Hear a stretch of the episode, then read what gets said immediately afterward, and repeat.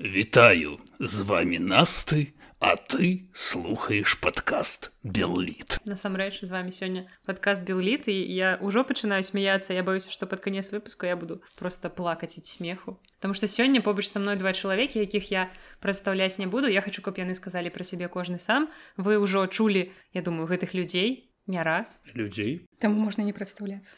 Ну але э, каб вы ўяўлялі хто сёння тут побач са мной гэта наста і Сергей. І ну я хочу каб у пачатку яны просто сказалі тое што лічыць патрэбным пра сябе там адзін-два сказы а потым мы патлумачым чаму тут нас сёння трое і навошта мы сабрались.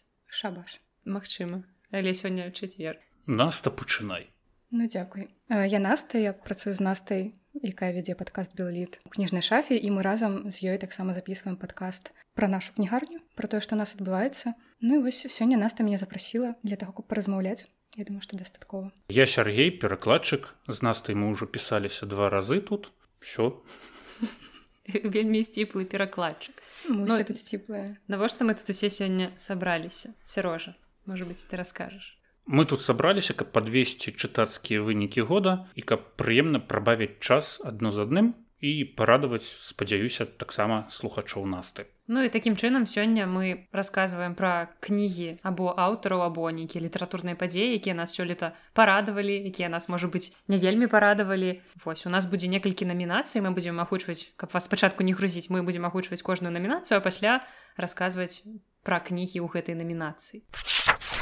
І наша першая намінацыя мы адразу з месца ў кар'ерчу і наша першая намінацыя называется кансервы года гэта значыць адкрыццё года адкрыццё можа быць зусім розным. Гэта можа быць адкрыццё якога-небудзь твора якога-небудзь аўтара Мачыма якога-небудзь нават жанра. Тады пачну я. Насамрэч сёлета я магу вызначыць два адкрыцці якія надарыліся ў маім жыцці. І гэтыя два адкрыцці звязаныя з аўтарамі. Адзін аўтар нямецкі другі аўтар беларускі. Пачну з нямецкага. На пачатку года мне трапілася на вочы кніг кніжка der райзенде яна называется по-нямецку по-беларуску я пераклаў яе як пасажыр за аўтарствам александра ульрыха бошвіца. Кніжка мне вельмі спадабалася сваім апісаннем сваёй сваёй анатацыі але больш за ўсё мяне зацікавіла асоба самого аўтара. Аўтар нарадзіўся ў 1915 годзе і памёр вельмі рана ў 1942 годзе ва ўзросце калі не памыляюся 27 гадоў.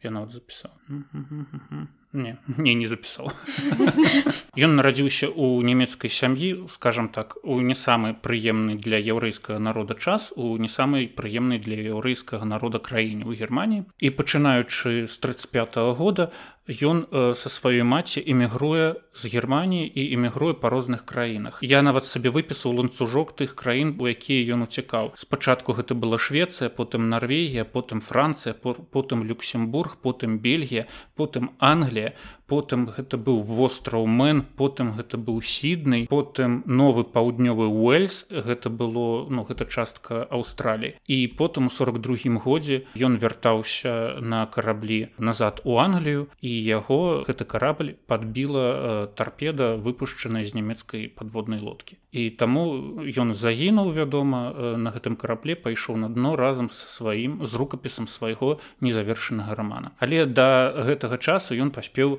напісаць два раманы. Самае што цікавае гэтыя раманы ён напісаў па-нямецку. Па-нямецку яны не выдаваліся літаральна да 2018 года. То бок рукапісы гэтых раманаў яны існавалі па-нямецку але яны былі перакладзеныя на французскую мову на англійскую на шведскую таксама але па-нямецку яны не гучалі нідзе. Яны доўга ляжалі ў літаратурных архівах. Яшчэ пасля вайны генрых бёль намагаўся у размовах з выдаўцамі выдаць гэтыя раманы таму што гэта былі назвы у амерыцы і у англіі. Але ў германії яны не маглі выйсці. Вось нейкім цудам адзін літаратуразнавец у чарговы раз выкуп выкапаў гэтыя рукапісы і прыйшоў да высновы што іх трэба выдаваць. І вось роман пасажыр да райзенда ён выйшаў у 2018 годзе і стаў вялікай літаратурнай падзею ў германії зараз ён перакладаецца на шмат якія мовы. Хуткім часе я ведаю што гэты роман выйдзе на рускай мове можна будзе пачытаць. Я ж яго прачытаў па-нямецку і гэты роман скажем так мяне вельмі вельмі ўразіў. Не тым уласна зместам а хутчэй за ўсё тымі вось такімі прыгожымі месцамі як аўтар гэта ўсё апісвае. Апісвае ён скажем так свой лёс вось гэты эмігранцкі як ён уцякаў вось гэтым ланцужком які ўжо упамянуў з адной краіны у іншую. І галоўны герой гэтага рамана ён спрабуе уцекчы з германії падчас ужо улады фашыстаў і ў яго гэта не ўдаецца. Ён сам жыве ў берерліне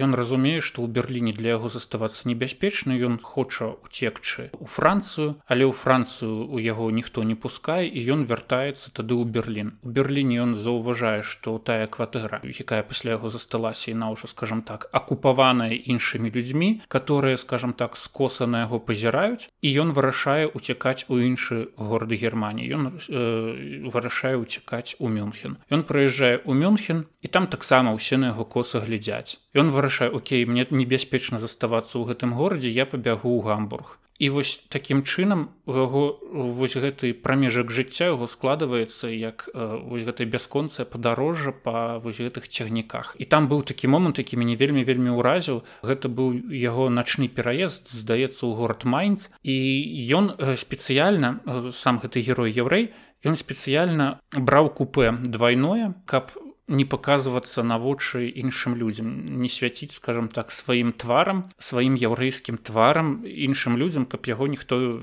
не мог там запытаць дакументы ці што-нибудь такое. А ён недзе працаваў так ён працаваў у яго была фірма ён я дзяліў са сваім найлепшым сябрам але...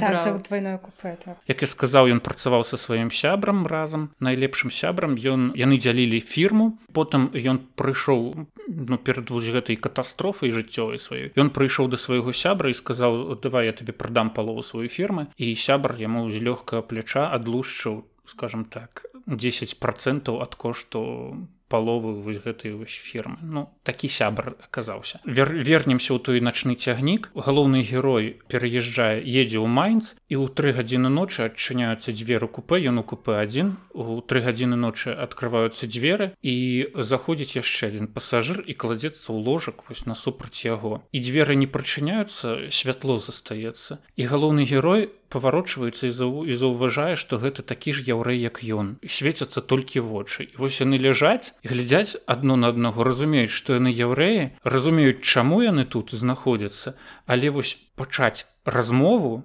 ніхто з іх не можа ніхто не можа прызнацца ў гэтым факце свайго не ведаю геркунфт мне адразу нямецкае слово усплывае ў галаве і вось вось гэты момант он прапісаны настолькі дасканала настолькі тонка что я рэальна я чытаў гэта на кампутары у мяне ад электронных кніжак яшчэ ніколі так не праймала як вось менавіта ад гэтага моманту. Таму для мяне вось за гэтым творам поцягнулася асоба аўтара якая якую я магу з гонарам сказаць что гэта кансерва года. Ну, ты сказаў што ён перакладаўся э, плануюць перакласці на рускую мову а на які-небудзь там нашы мовы суседзяў типа польская украінская Я ведаю тое што на польскай існуе пераклад. Значит я могу пачытаць ты можаш пачытаць калі ты валодаеш таксама літоўская была тыскай таксама можаш. Таму вельмі вельмі раю сачыце за навінамі за абвесткамі э, Александр ульрых бошвец пасажыр. Давайте открываем кансервы далей. Так наступная кансерва з тушонкай гэта будзе моя кансерва. Я назову аўтара ну в прынцыпе я прачытала одну яго кнігу і, і я думаю что астатнія кнігі аўтара я буду чытаць далей мне таксама яны спадабаюцца таму можна ну, мне красей таксама будзе два адкрыцці але спачатку пачнём з першага аўтар якога я адкрыла для сябе сёлета гэта амерыканскі фантаст роберт маккаман і яго роман які быў напісаны ў 1991 годзе роман які старэйшы за мяне а, называется бойс лайф я чытала у рускім перакладзе жизнь мальчишки зараз маккамана вельмі актыўна перавыдаюць у рассіі але ў яго такія просто неверагодна жудасныя вокладкі што у мяне ёсць жаданне просто купіць арыгінальнае выданне на ангельскай ангельскай мове і чытаць далей па-ангельску. Няхай гэта будзе ну не так хутка але як бы я змагу гэта зрабіць бо трываць вось гэты яркія ну вы все бачылі як выглядаюць кніжкі макама на іх это жахліва Ну так я лічу што гэта пагана тое як яны выглядаюць нешта бліскучае я не магу там калі гляжу на гэтую вокладку я не магу адрозніць дзе там чалавек дзе там я не веду сабачка дзе што.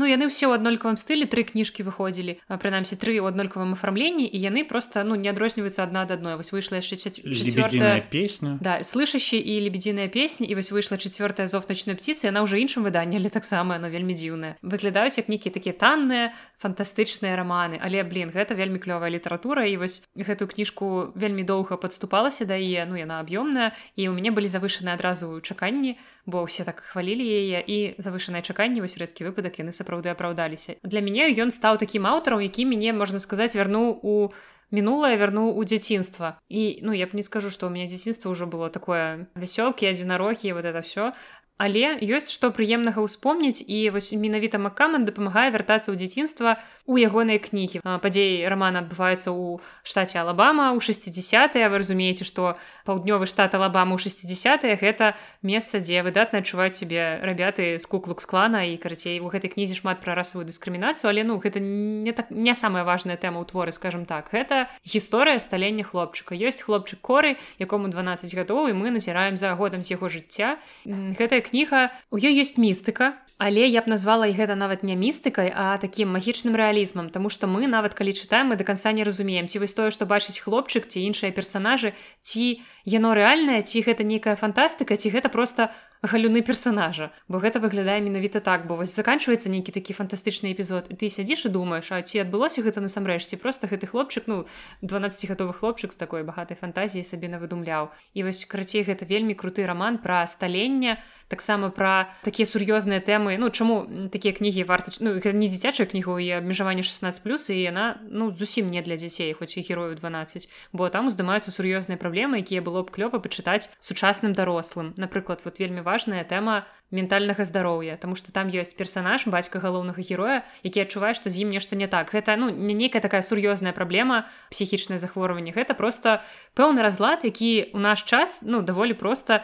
нават без лекаў вырашаецца добрай размовай з якім-небудзь спецыялістам. Але 60 гады алабама ўсё зразумела што ну не пра якія такія хваробы і спецыялістаў гаворкі не вялося і таму гэты чалавек вымушаны змагацца са сваімі скажем дэманамі самастойна. Таму гэта добры раман і пра дзяцей і пра дарослых. І ўвогуле я лічу што калі ўсе астатнія кніжкі маккамана будуць такімі што ён просто трапіць у спіс маіх найлепшых любімых аўтараў гэта таксама добры твор пра тое як калі ты вырастаеш ты чамусьці забываеш што калісьці ты быў малым. Гэта вельмі аб'ёмная вельмі зместава насычаная кніга не толькі паводле памеру ну шмат тэмаў шмат герояў шмат персонажаў і гэта просто просто неверагодна круто. Таму маё адкрыццё адно з адкрыццяў сёлетніх гэта роберт маккаман яго творчасць увогуле ну і канкрэтна роман жизнь мальчишки ну здорово ты можешь мне зайздросціць у мяне гэтая кніжка на нямецкай мове ёсць таму вокладка. І там палепш вокладка так, так там вокладка вельмі добрая і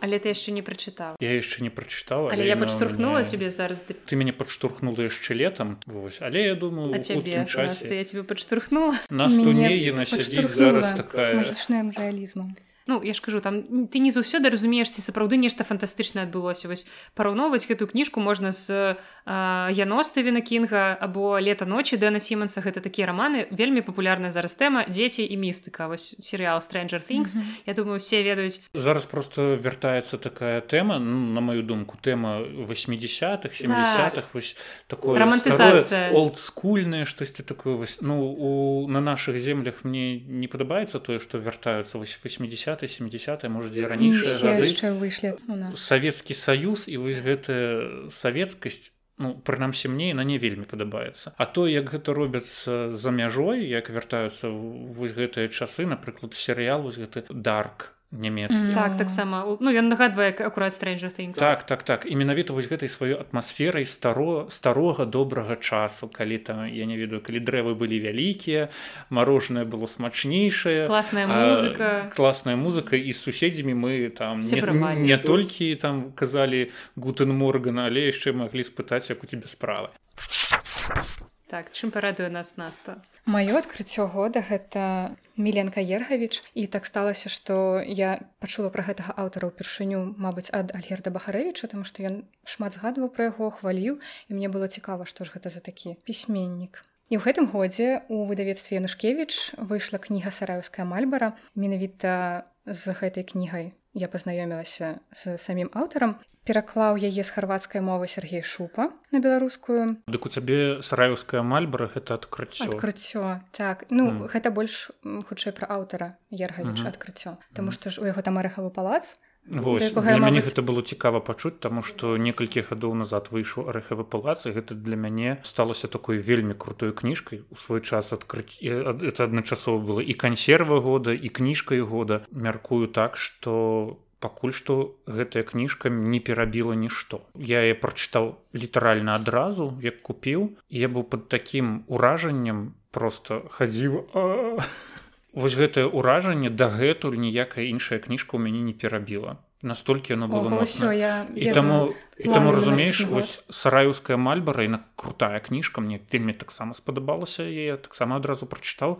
але я прачытаў таму што ў мяне было вельмі моцнае ўражанне вось ад арэхавага палаца. Таксама перклад Сергея шупа не ведаю гэта падзея была літаральна калі не году сярожа то... натхніў мяне. можа нават усіх натхніў ну, ну так гэта ўжо там кніга адкрыццё там трохгоддзя дакладна. На наступны год гэта будзе ўжо кніга адкрыццё чатырохгоддзя мы с тобой прачыталі ерхавіча гэтую кніжку сараюская мальбара цяпер мы можемм чытаць рэхава палацы у нас я рада так што мы спачатку прачыталі сараўская мальбара тому что вось ты кажаш что такое ўражанне моцна і гэта не будзе расчараваннем Ну не той каб расчараваннем а што вось першае ўражанне было добрае і будзе магчыма яшчэ не я б не сказаў бы что сараюская мальбара што на мяне расчаравала зусім не. Там ёсць такія моманты которые дагэтуль там стаяць у маёй галаве напрыклад там момант з яблыкамі Да, я памятаю ты там гэта другі другі раздзел Я просто не ведаю я чытаў мяне там слёзы наварочваліся на вочы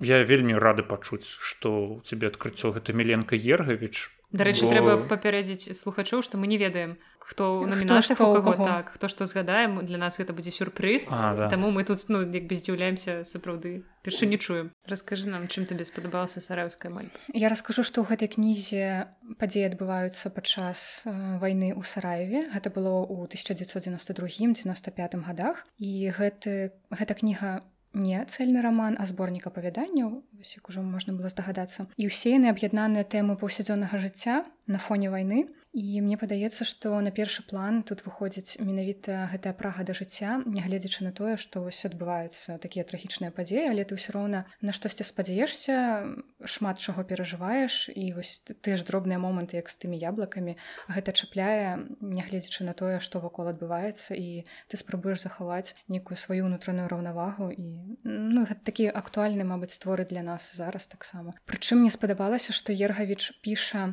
даволі проста хаця я выпісвала шмат цытат але сам стыль яго такі негрувасткі ён нічога асабліва не мудрагеліць але ты ад гэтай простасці ну, неяк захапляешься на мабыць ад таго што пазбаўлена пэўных прыхожых яшчэ наслаенняў. Вось трапляе адразу без абароны табе дзесьці у сэрца. Ну, ты здаецца чытаеш твор пра вайну там ну павінна быць страшна так, горад зусім... ну, там не было баявых дзеянняў там горад жыве ў аблозе там і... згадваліся выбухі але так, так. і пажар там на калі выбухнула бібліятэка бомба здаецца трапіла тады ў бібліятэку яна згарэла універсітэцкую mm, канцы вось. І ну там просто людзі жывуць і стараюцца нягледзячы ні на што жыць і там вось мне момант найбольш які мяне ўразіў калі там пра нейкага персонажа гаворка вялася. Такія паўсядзённыя развагі што Мачыма ён затрымаўся там у нейкай знаёмай Мачыма ён там пайшоў у краму а магчыма яго забіла. Ну і просто нек такі шэраг пералічэнняў і ты разумееш што для людзей нейкі там забойствы смерці падчас вайны просто сталі паўсядзённасцю. І гэта ну актуальная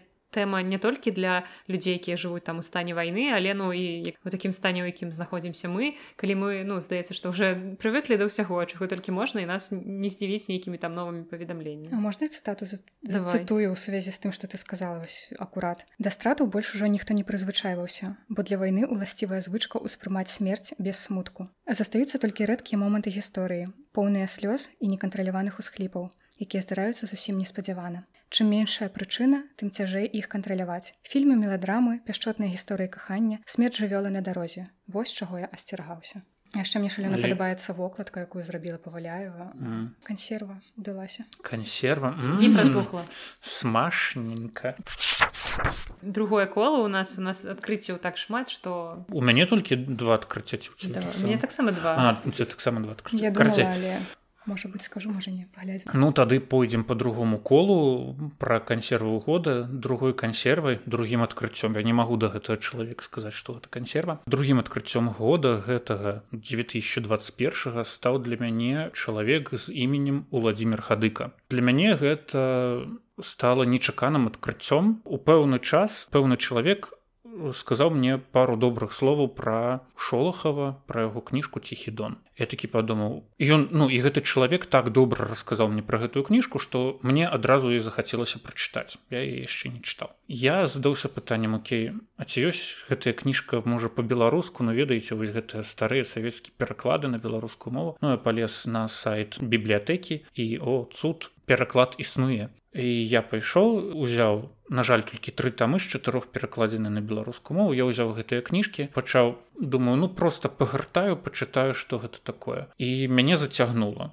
Мяне зацягнула настолькі што я вырашыў Окей я адфоткаю гэтую кніжку і потым на кампутары я ее ўжо прачытаю усе тры тамы то бок ты ўзяў ціхідон вы ну можа уяўляеце якога памеру ціхідон і адфоткаў яго. Так тры тамы не тое што вось вы ведаеце як сто процентаў я адфоткаў толькі 75 таму што нармальнасць астатні- выйшла з чата. Колькі гэта часу у цябе заеш Э, ну гадзіны дзве з паловай недзе так. Калі вам трэба нешта адфоткаць ведаце каго паклікаць. Калі вам трэба фоткі беларуская Ціхага блізкая беларуская ціхага дона я плюс 37529 так.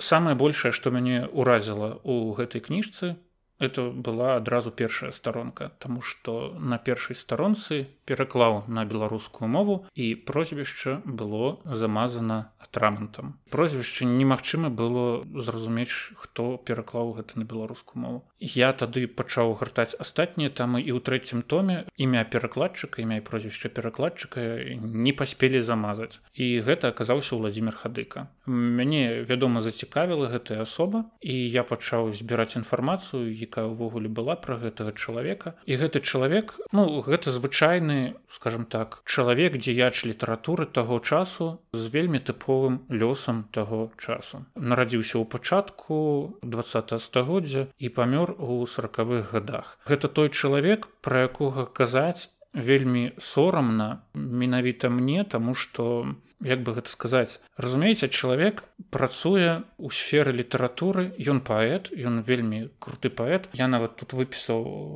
нейкае чатырохрадкоў яго на але думаю не зачытваць не буду. Гэта чалавек які вось жыў літаратурай. Ён на хвіліначку зарабляў літаратурай. Ён пісаў вершы ён перакладаў раманы ён горкага перакладаў шолахава пераклаў. Але здарыўся час здарыўся 37 год калі вось гэты чалавек інтэлігент ён краіне стаў рэзка непатрэбны. Калі прыйшлі іншыя людзі сказалі ах ты інтэлігенцішка тут сядзіш пішаш а ідзі-ка ты пацягай там камянюкі ці лес павалі так табе і трэба яго засудзілі на 10 гадоў прымусовых працаў і ён у сорокавым годзе ён загінуў. Ён загінуў на каменаломні. І вось калі я гэта чытаў я такі ну пасля вось гэтых сваіх усіх эмоцый ціхага дона я чытаў пра лёс гэтага чалавека который ну разумееце мог зрабіць вельмі вельмі шмат крутога для беларусі. Ён і рабіў гэта. Ён калі быў на вось гэтых правысу прымусовых працах у сібіры ён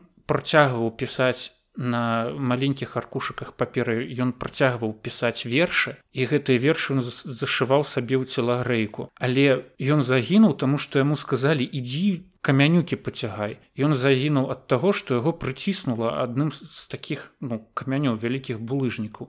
На сам на самой справе гэта настолькі для мяне вось на той момант стала трагічным что ну чалавеку просто паламалі лёс і паламалі лёс такому чалавеку які мог бы зрабіць вельмі вельмі вельмі шмат. І мабыць зараз бы мы гаварылі бы пра іншую беларускую літаратуру і мабыць мы гаварылі б і пра іншыя літаратуры зусім іначай таму што ён перакладаў гэта ўсё на беларускую. Мабыць зараз мы маглі бы там пра іншыя рускія творы размаўляць пра іх пераклад на беларускую мову. Але лёс склаўся так што у пэўны момант яго прозвішча ў кніжках замалявалі атрамантам яго паэтычныя кніжкі спальваліся і ён стаў нікому не патрэбным. І насамрэч гэта для мяне ну такая горкая падзея што я нават не ведаю чо што яшчэ тут сказаць. Таму для мяне вось такое трагічнае і вельмі сумнае і вельмі эмацыйнае адкрыццё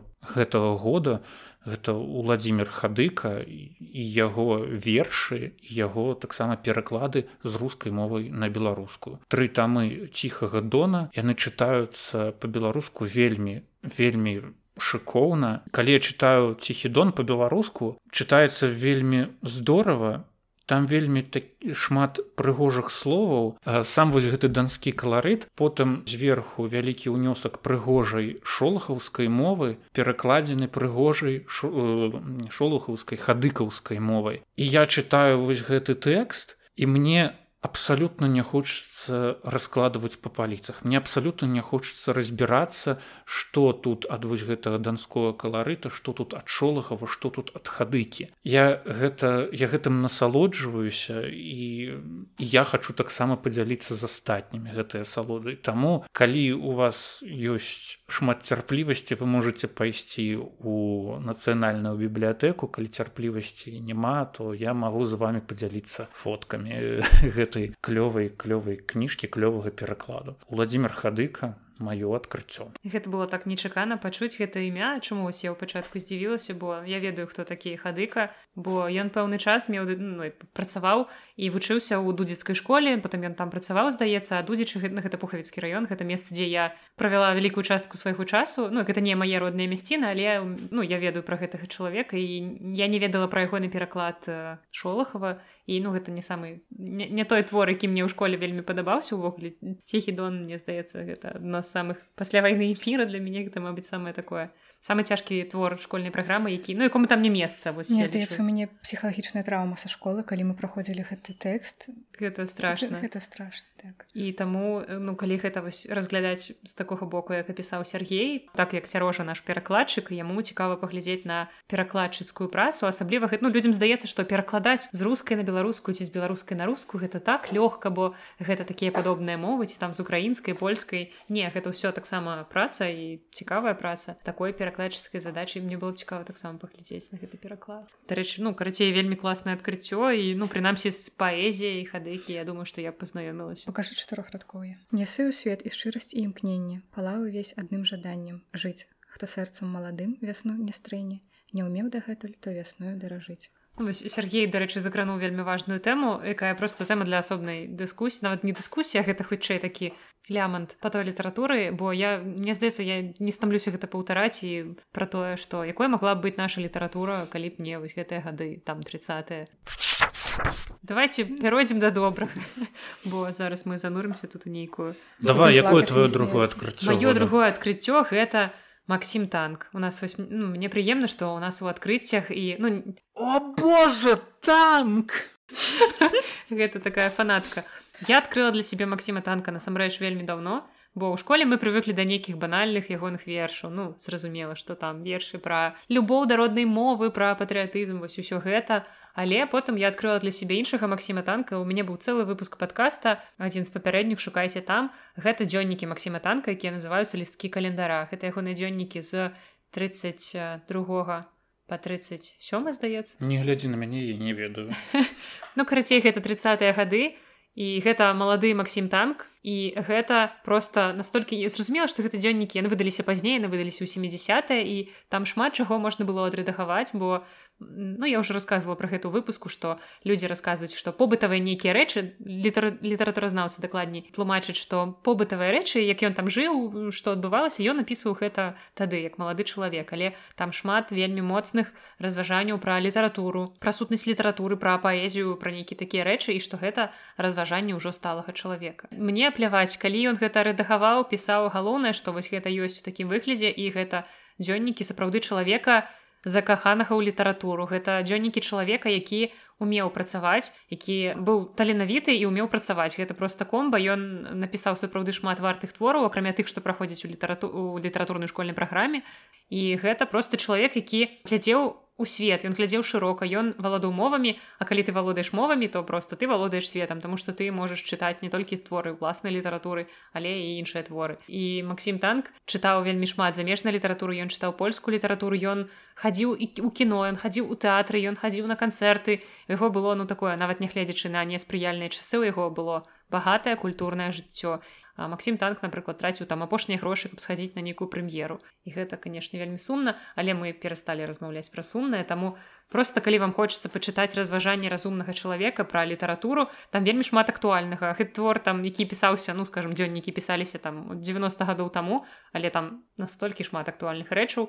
Ну і кніжка не вясёлая але але вельмі разумная. Таму маё адкрыццё гэта дзённікі Масіма танка. Я знайшла яшчэ яго на дзённікі наступных гадоў і буду чытаць іх і таксама калі-небудзь раскажу пра іх. Мне здаецца дажыла да таго ўзросту калі дзённікі хочацца чытаць больш чым мастацкую літаратуру. Так я аўтабіяграфіі розныя і вось я чытала твой водгук з тымі цытатамі што ты выкладвала просто ў сторыс і мне здавалася што гэта ну варта прачытаць сапраўды таму што тое што мы чуем звычайна пра пісьменнікаў нешта такое манументальнае што яны просто там стаять помнікі да а тут нешта жывое жыццёвае это цікава так про то вось як танк галадаў напрыклад ну ніхто ж табе ў школе не раскажа про то як танк галадаў зноў мы пра сумнае так можа быть так у тебе есть якое-нибудь адкрыццё я могу трошки сказаць что маё другое адкрыццё гэта станіслав лем выданне по-беларуску выйдзе у наступным годзе вось літаральна ўжо хутка. 24 студзеня калі ўсё пойдзе по плане Ну что тады пераходзім до наступнай намінацыі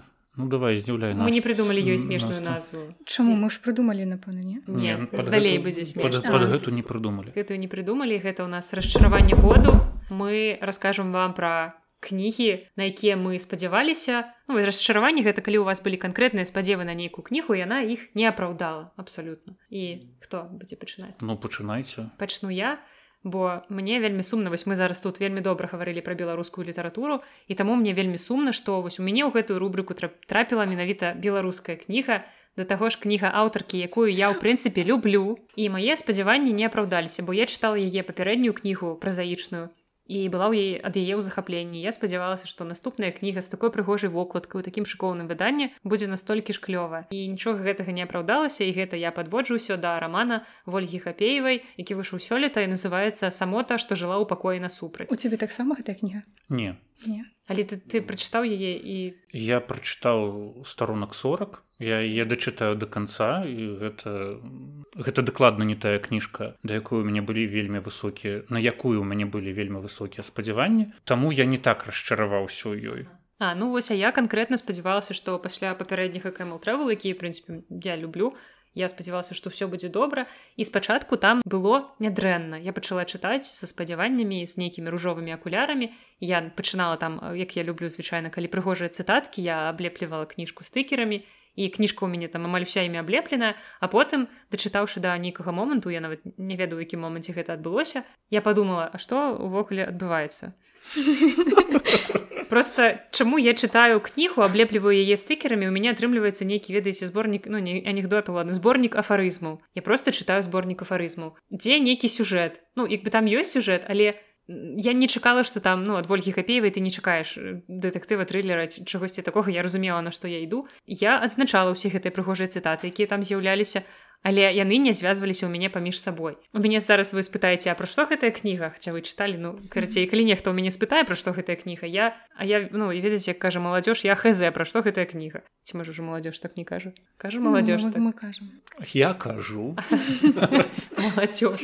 Ну мне здаецца можа быть я такая недалёкая просто вы ўспрымаеце гэтую кніжку як быццам бы яна павінна быць нейкай не ведаю. Ну вось сюжэтнай ну сутнасць гэтай кнігу тым каб ты не, не сказала пра што яна. Что ты просто чытаеш літаратуры походу ну, ну, мне як чалавеку якому не важны сюжэт абсалютна ў кнізе так я ну я ганюся за стылем найперш за мовай затым як гэта складзена. То гэта кніжка чыталася ну абсалютна нармальна мне не было на нейкіх спадзеваў але і не было такога расчаравання. Ну я прачытала прачытала. Ну я з тобой наста не пагаджуся вось ні разу давайте паб'ёмся. Мне вельмі цяжка гэта казаць тому что я волю гугапееву ведаю асабіста. Мы з ёй прымалі ўдзел там на перакладчыцкіх майстэрнях. Яна вельмі цудоўны чалавек яна вельмі цудоўны перакладчык. Але вось гэтую кніжку которую вось, само то што жыла ў пакою насупраць нам не зайшла таксама ні разу тут я пагаджуся з другой настай. Як на мяне гэтай кніжцы не хапіла рэдактуры карэктуры не хапіла можа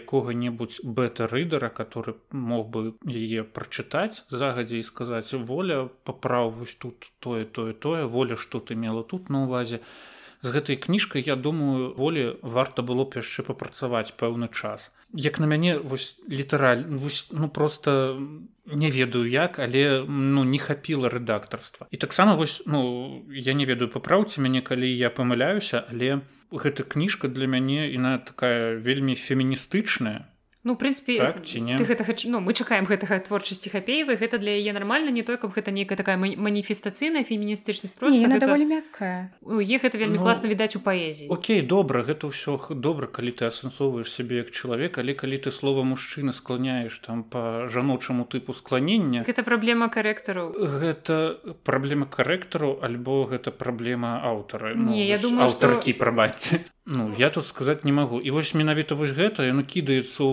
вочы кідаюцца ў вочы вельмі вельмі шмат памылак памылак я настолькі хутка чытала што нават не памылак там просто там просто там вокладцы памылкі ну там даволі шмат там вельмі дрэнная карэктура і як бы ну многія вось мяне папракаюць што вот ты пастаянна кажаш пра памылкі выдавецтва галіяфа што зрабіць калі я пастаянна сустракаю ну, памылкі ну... пры ўсёй маёй любові давецтва да выдавецтва галіяфа якое выдае сапраўды класных беларускіх аўтараў і многія мае любімыя аўтары выдаюцца там і я люблю выдавецтва галіяфы але я люблю калі выдаўцы паважаюць кнігі якія яны выдаюць а не выдаюць іх абы выдаць хутчэй. Я люблю чытаць кніжкі на старонках якіх ты ні разу не спатыкнешся. Альбо калі спатыкнешся ну там раз два за кніжку. Але калі ты спатыкаешься літаральна раз два разы на старонку ну гэта по прасціце гэта ўжо нешта не тое штосьці значыць не спрацавала. Каб не быць просто галаслоўным гэта просто з тых прыкладаў якія ў мяне зараз вылетаюць з галавы.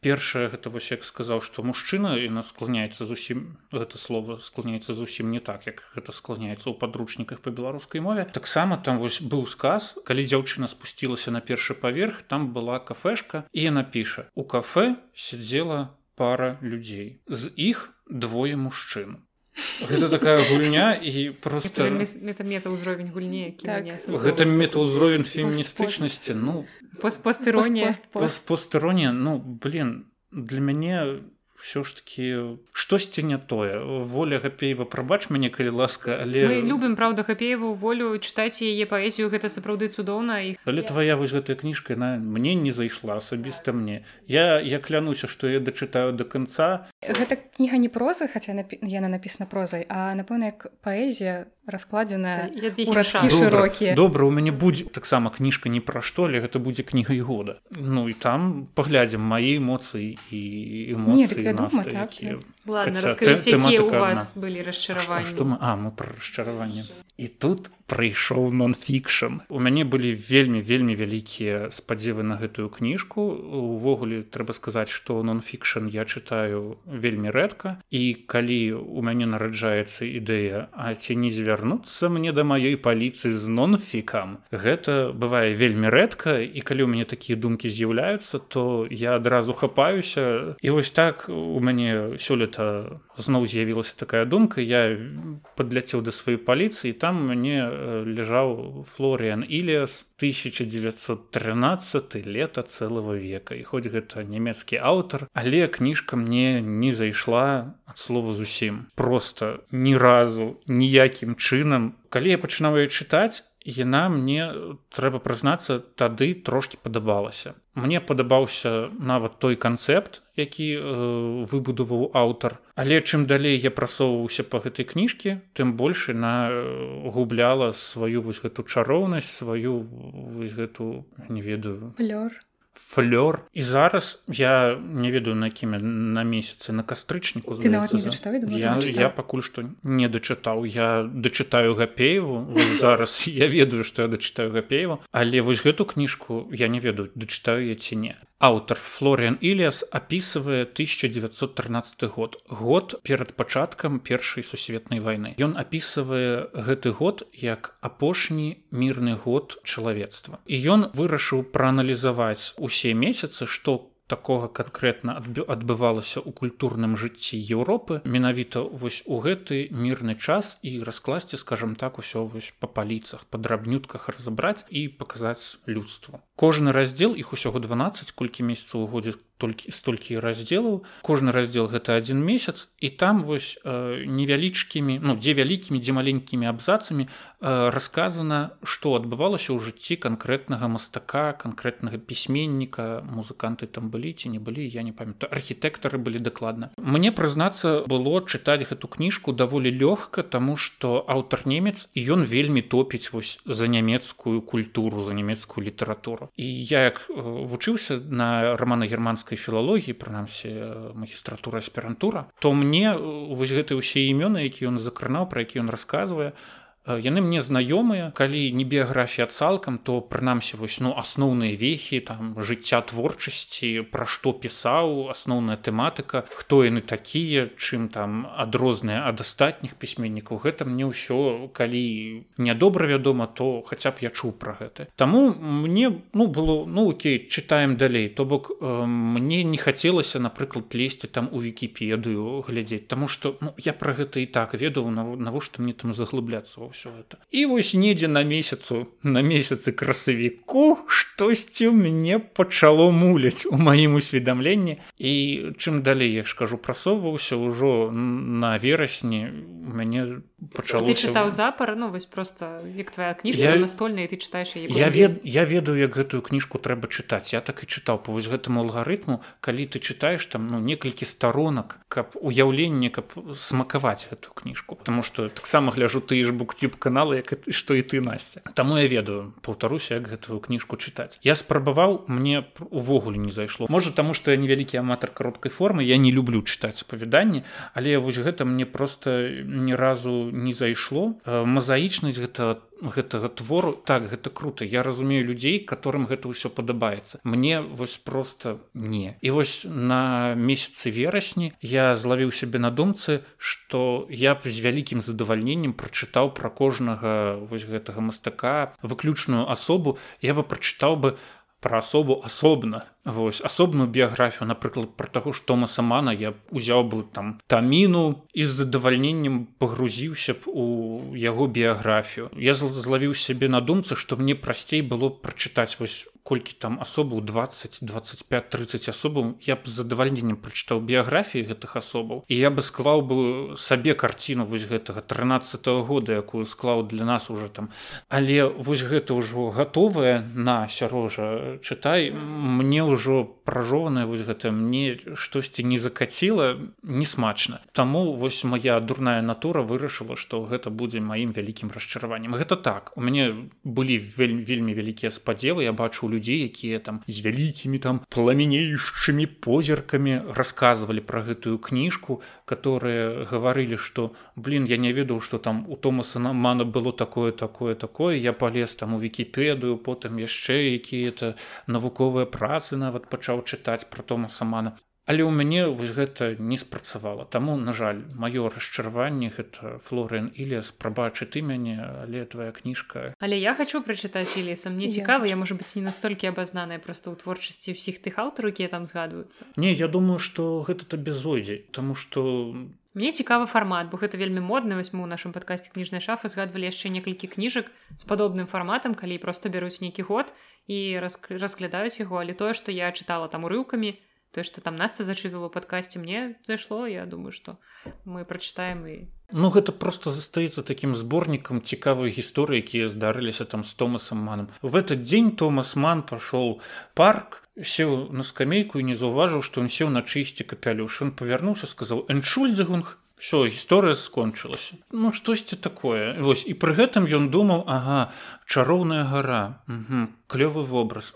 Што б з гэтым зрабіць дарэчы і, ме, і месяц верасень скончыўся чароўная гара это такі э, твор які пераследуе мяне я яшчэ не чытала гэты твор але ён гэта сярожа мне паказвае знак лузера а, просто доктор фаустус мы праходзілі у мяне ёсць па-беларуску я чытала мне в прынцыпе ну наколькі з універсітэта я памятаю гэты твор ён быў нармальны. Але вось то што я чула пра валшебную гору яна мне паўсюль стала трапляцца. Гэта феномен баадара майнхов калі табе нешта трапляецца паўсюль гэта вядомае скажэнне але я яе купила поставила на паліцыю на ў мяне ў планах на бліжэйшае у перакладзе саламона апта. А я не звярнула увагу руская а трэба звяртаць я звярну увагу. Насамрэч я заўважыла што я звяртаю увагу на перакладчыкаў вось гэта ну абсалютна умоўны рэфлекс у беларускай літаратуры так. Таму што яны заўжды ёсць там паўсюль ты можаш гэта знайсці. Калі ты хочаш даведацца хто пераклаў рускую кніжку гэта недзе ў куточку кнігі звычайна напісана і там якая-небудзь вс пупкіна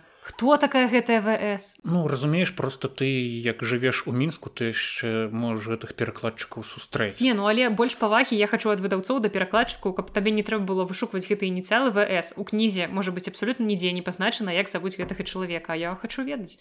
Таких пупкіных можа мільёна хто хто гэта не, я лічу і гэта там не маё там самалюбства не мой эгаізм але я лічу что імя і прозвішча перакладчыка трэба ўжо ставіць таксама таксама на воклад дарэчы вось у кнізе падарожжы беньяміна трэцяга калі я не памыляюся на вокладцы побач з імем аўтара ну, напісана імя пераклад логвіну ён ну, выдавецтва логвінава яны заўсёды цяпер ставяць наколькі мне вядома наколькі я бачу яны заўсёды ставяць прозвішча імя перакладчыка на вокладку каліяфы таксама пачынаюць гэта рабіць. Прынамсі вось то што Евгеній папакуль зрабіў э, пераклаў.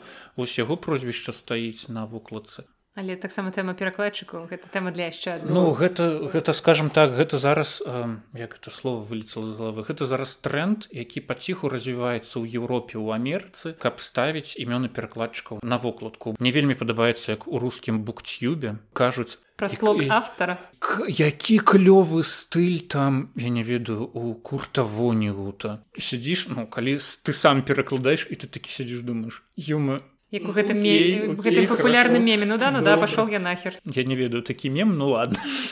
О ведаеце вось гэты вось гэты мем калі мядзведь у кустах высоўваецца ну, і крычыць ведаеце а ведаеце калі што он крычыць по-беларуску не ён крычыць лаферында Вельмі карысная інфармацыя. Вельмі карысная інфармацыя Сергій Пясецкі навучу навучу мяне гэтаму слову.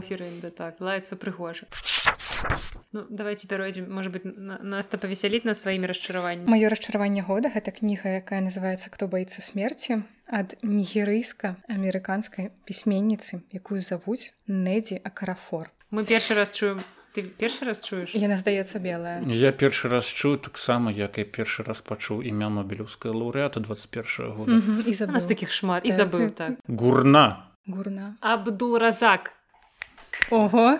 Каманда трэба на квіз ісці все я купілася на гучную анатацыю і я не атрымала нічога заяўленага гэта нонфікс. зачытаю не гэта мастацкі твор так. я бачыла у тебе на лайфлібе роман выходящий за рамки жанравай літаратуры культурная самабытнасць і древнія традиции подлинная история и мифы технологии и магия сплелись в мощной эпической истории которая принесла неди акарафор более 10 номинаций на престижныя літаратурныя прэміі і восторжаныя отзывы критиков карцей я не атрымала нічога з таго что прабач анатацыя гучыць як любая анатацыя ольгі гапівай амаль што. Але па сутнасці гэта звычайная фэнтэзі набліжаная да рэальнасці і фэнтэзі не можа быць звычайным. І гэта абсалютна звычайная фэнтэзі. Яно настолькі прымітыўнае што тады нават... гэта не фэнтэзі. Дрэн... так можа быць нават і я загушна тады ёй анатацыю пісаў Віктор Марцінович Таму што як бы яна тут расказвае пра тое што выхад за жанравая літаратура mm -hmm. але калі ты кажаш што гэта фэнтэзі гэта як Віктор Марцінович які кажа што і піша элітарную літаратуру а насамрэч піша звычайны масліт у гэтым творы абсалютна не прапісаны свет мастацкі створаны. Пра культуру і пра традыцыю тут амаль што нічога няма. Ні тэхналогіі ні магіі у кнізе не раскрыты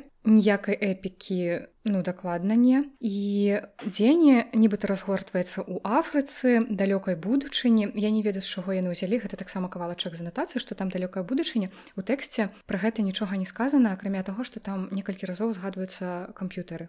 Ну але гэта так. Ну я кажу гэта абсалютна не жывем там ёсць сюжэт які-небудзь? Ёсць. Скажы нам і атрымліваецца што тут варагуюць плямёны за колеру скуры і за традыцыі бы нічога новага. Ад гвалту падчас э, пэўных нападаў аднаго племені на другое нараджаецца дзяўчынка он есонву і вось яе імя перакладаецца як хто баіцца смерці гэтая дзяўчынка валодае магічнымі здольнасцямі пра якія зноў жа нічога не распісваецца. Што за яны як і намі карыстаецца? Трошки ёсць але гэта не варта таго каб быць не ведаю. Не раскрываецца нічога. І гэта дзяўчынка нібыта павінна перапісаць кнігу з прароцтвамі каб яе народ не быў прыгнечаны. Пачынаецца сталенне гэта напэўна найбольш удалая частка кнігі про тое як яна расла як камунікавала са сваімі супляменнікамі. так з дзецьмі. А далей яна разам з каханым і з сябрамі адпраўляецца на пошукі той самай прарочай кнігі і ўрэшце ўсё вырашаецца магія і просто здухае то бок это я не ведаю гэта такое расчараванне тому што я чакала вось гэтай эпікі гэтай магіі тэхналогій што яна спляцецца што я атрымаю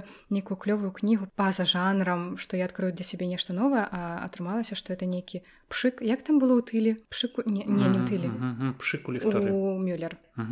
Пшыку ліхтары ну. Гэта больш афрыканскі твор просто гэта такі ну я не я разумею што... афрыканскі не сэнсе што я не шмат чытаю афрыканскіх твораў але гэта такая экзотыка заўжды і прынамсі ўжо гэта павінна быць цікава так але, але яно не цікава, не так. цікава я разумею што гэта кніга мабыць вось так добра успрынята была крытыкамі тому что гэта вось гэтае пытанне дыскрымінацыі які ўздымаюцца пытанні гвалту гэта все зараз вельмі актуальна ў свеце. Паездачка але ну, я не ведаю. Ну вось дарэчы некалькі гадоў таму выйшла таксама кніжка фэнтэзі па-англійску і адразу там літаральна праз паўгады па-руску выйшла штосьці там белы цігр леапард штось не чулі так да.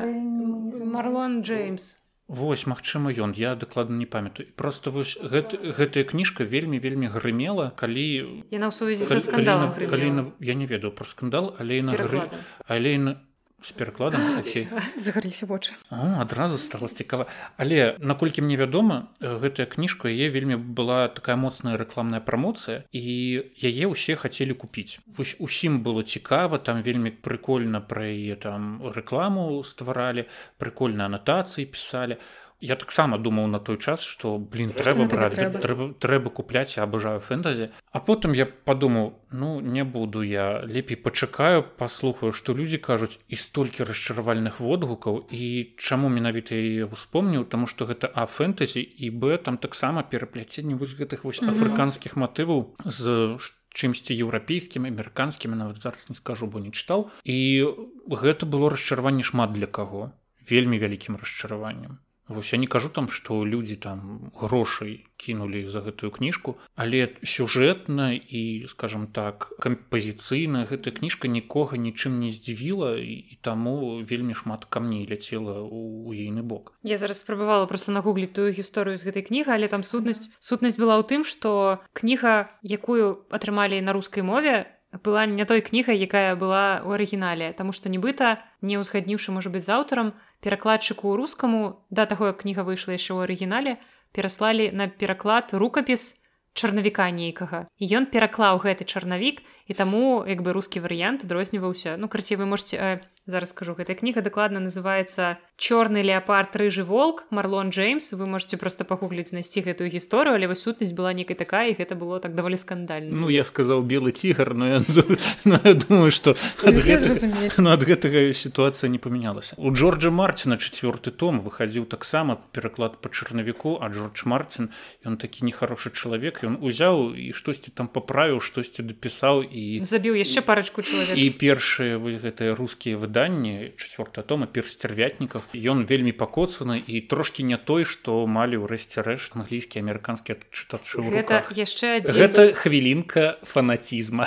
яшчэ просто адна нагода вучыць мовы. Чыста для таго каб чытаць тыя кніжкі якія яны выйшлі у арыгінале не я хочу табе сказаць неважна якія ты мовы будешь вучыць ты можешь ну, ці просто давяраць перакладчыку. нет таго ж марціна ты можешь пачытаць просто ў розных перакладах на польскай на украінскай на нямецкай калі ласка ты просто выпадку лепш ведаць больш мову Ве... конечно лепш ведаць арыгінал але ну разумееш калі будзе беларускі пераклад рускай кніжкі я выберу ўсё жкі беларускі пераклад і мы паціху перасоўваемся такім чынам да нашай наступнай намінацыі якая называется перс года гэта намінацыя у якой мы разглядаем самых цікавых кніжных персонажаў года. Альбо просто персонажу яны не павінны быць асабліва цікавыя якія просто адбіліся может быть гэта памяці персонаж у мяне ён... у, у мяне мушу сказаць сыграла адразу ўсё. У мяне таксама не пазітыўны там не супер нейкі станоўчы персонаж але просто цікавы чалавек які мяне вельмі захапіў давай пачнём з нас ты круто табе у цябе чалавек у мяне таксама тебе малпачка ну давай малпу сёння адказваеш ты. У мяне самы цікавы персонаж года гэта камандор з кнігі якая называется убийство камандора харукі муракамі новы роман зусім ну, самы апошні ну, апошні у мяне есть добры сябар который чытае выключна муракамі яшчэ аднаго аўтара і пелевіна муракамі і пелевіна ён узахаплен... здорова псіхічна так цалкам. просто калі чытаць толькі муракамі можа кампенсуе гэтым нешта так у яго вельмі скажем так прафесійнае жыццё вельмі бурлівае таму яму яму трэба як-небудзь адпачываць пачуваць так. Расскажы нам про бо я хочу прачытаць і вось зараз можа ты мяне натхніш я пабегу бо яны ў нас тут на палічках у кнігарні стаяць ну гэта не лепшае што я чытала з муракамі але... ну, так... не чытай ну, я, ну, я, я што самае лепшае што ты чытал з муракамі страна чудес без тормозов таксама не чытала але мы ведаем одну хотя 1984 таксама ну я чытаў к югу ад граніцы на запад ад сонца гэта было прыўкрасна таксама добрая кніга я, я з абачынала муракамі я не аб'ектыўны чалавек там што моя любимая кніжка муракамі гэта тая кніжка якой я у першую ў сваім жыцці прачытала па-польску гэта бэзбарбны скуры тадзакі ля таго пельгжымства я нават не ўяўляю як яна гучыць па-руску ў перакладзе не, не бачыла гэтае выданне. Але яна здаецца нават на рускую тады яшчэ не была перакладзена калі я чытала яе па-польску. Мне знаёмы прынёс раздрукоўкі ён на паперы просто раздрукаваў. 2014 год я вярнулася з Польшчы я ўжо тады размаўляла па-польску абсалютна вольна пасля месяца праведзенага там. круто. Я б табе ад фоткаў бы гэтую і вось гэта была моя першая прачытаная цалкам па-польску паўнавартасная дарослая кніжка таму я не аб'ектыўна адзіная кніжка якую прачытала па-польску гэтым ракамі ён вельмі лёгкі его лёгкая проза чытаецца па-польску карацей вось калі вы пачынаеце вучыць польску то чытайце рукамі гэта вельмі лёгка і вось калі пераходзіць да гэтага персонажа які паланіў маё сэрца гэта камандор.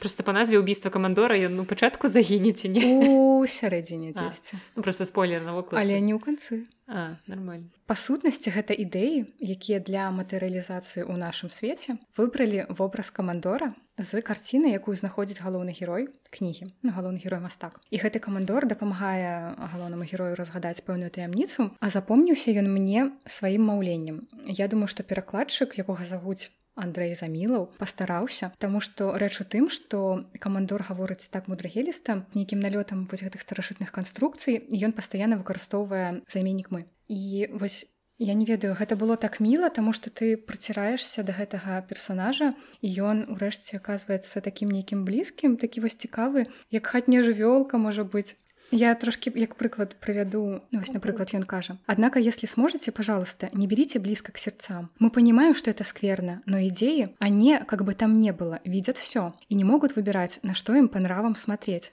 Однако и вправду беспокоиться нечего. Ось, ён так не да, соблаговолители. нейкі милы і цікавы персонаж. Ось ён. Перс года, камандор. Ну цікава я думала что вы будете называть нейкіх таких рэальных людзей але класна атрымалася что за рэальнасць сёння адказваю я. За рэальнасць і малпаў а мой персонаж года. Гэта можна сказаць што гэты твор аўтабіяграфічны. Гэта роман луі фердинанда селіна путешествие на край ночи гэта французскі аўтар. Роман быў напісаны здаецца ў 30 гады мінулага стагоддзя. І галоўны герой якога завуць бардамю вось можна сказаць што аўтабіяграфічны ён паўтарае лёс самога селіна. І аднойчы калі я показывала гэтую кніжку выдаўцу Андрея юнушкевичу ён павярнуў яе задам на вокладцы прачытаў пра аўтара там было нешта пра анархісты чалавека ненавіснік Янушкевич паглядзеў на мяне і сказаў ну ясна чаму вы гэта чытаеце я не ведаю што ён меў на увазе але вось такі цікавы фрагмент я спадзяюся ну вось гэты герой які праходзіць лёс вось які прайшоў аўтар ён удзельнічаў у першай сусветнай вайне ён быў паранены камісаваны потым ён працаваў у афрыканскіх калоніях там вельмі падрабязна напісваецца гэта ягоная праца ў афрыцы. Ну гэта вось даволі каларытна.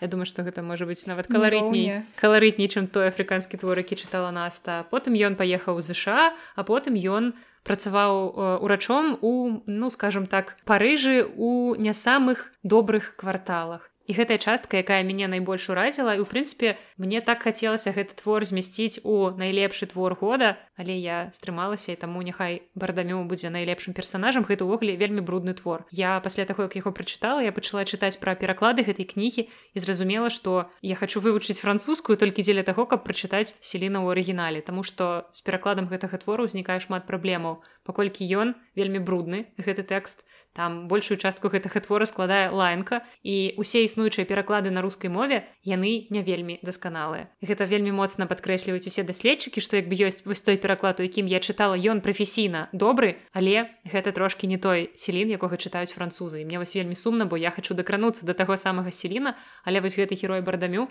просто ну мне таксама гэтая кніжка вся аблепленая стыкерамі бо ад яго столькі цытат ён я вельмі люблю натуралістычную літаратуру. Адзін з моих любимых аўтараў гэта эмиль заля.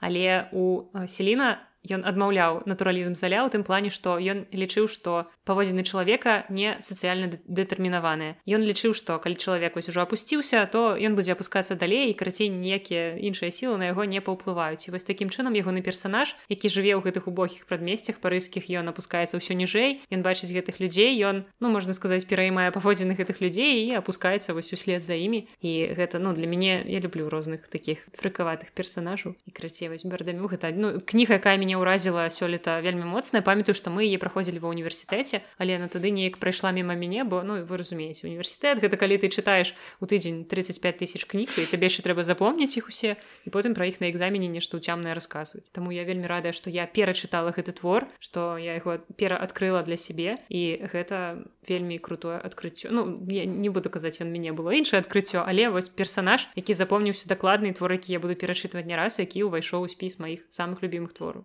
Вось я слухаю вас і вось думаю калі я дагэтуль не здаўся быдлам то зараз я ім дакладна буду. Бо мой персонаж зусім не такі высокі не такі нізкі у пахабнік. Ну прабачся я праслухаецца у цябе ты, ты сказала селін а я адразу там узгадаў это путешествие сінліна ёсць такая фэнтэзі кніжка так, джеса бэнкра восхождение сінліна а восхождение сінліна так. Палову твайго апавядання думаю у кейсінлін гэта той ну ладно але ну даволі цікава гэта класічная літаратура. Окей значыць у мяне персонаж года гэта персонаж э, серыі подлеткавай подлеткавага фэнтэзі. Ёсць такі брытанскі пісьменнік Джанатан страут і мне вельмі вельмі сумна што про Джанатан страуда не гаворыць так як гаворыць пра Джан роулинг бо на маю думку ён заслугоўвае гэтага нашмат болей чым мамаро я гавару пра цыкл яго раманаў які называется агентство локвуд і кампанія я чытаў гэты цыкл сёлета у нямецкім перакладзе прабачце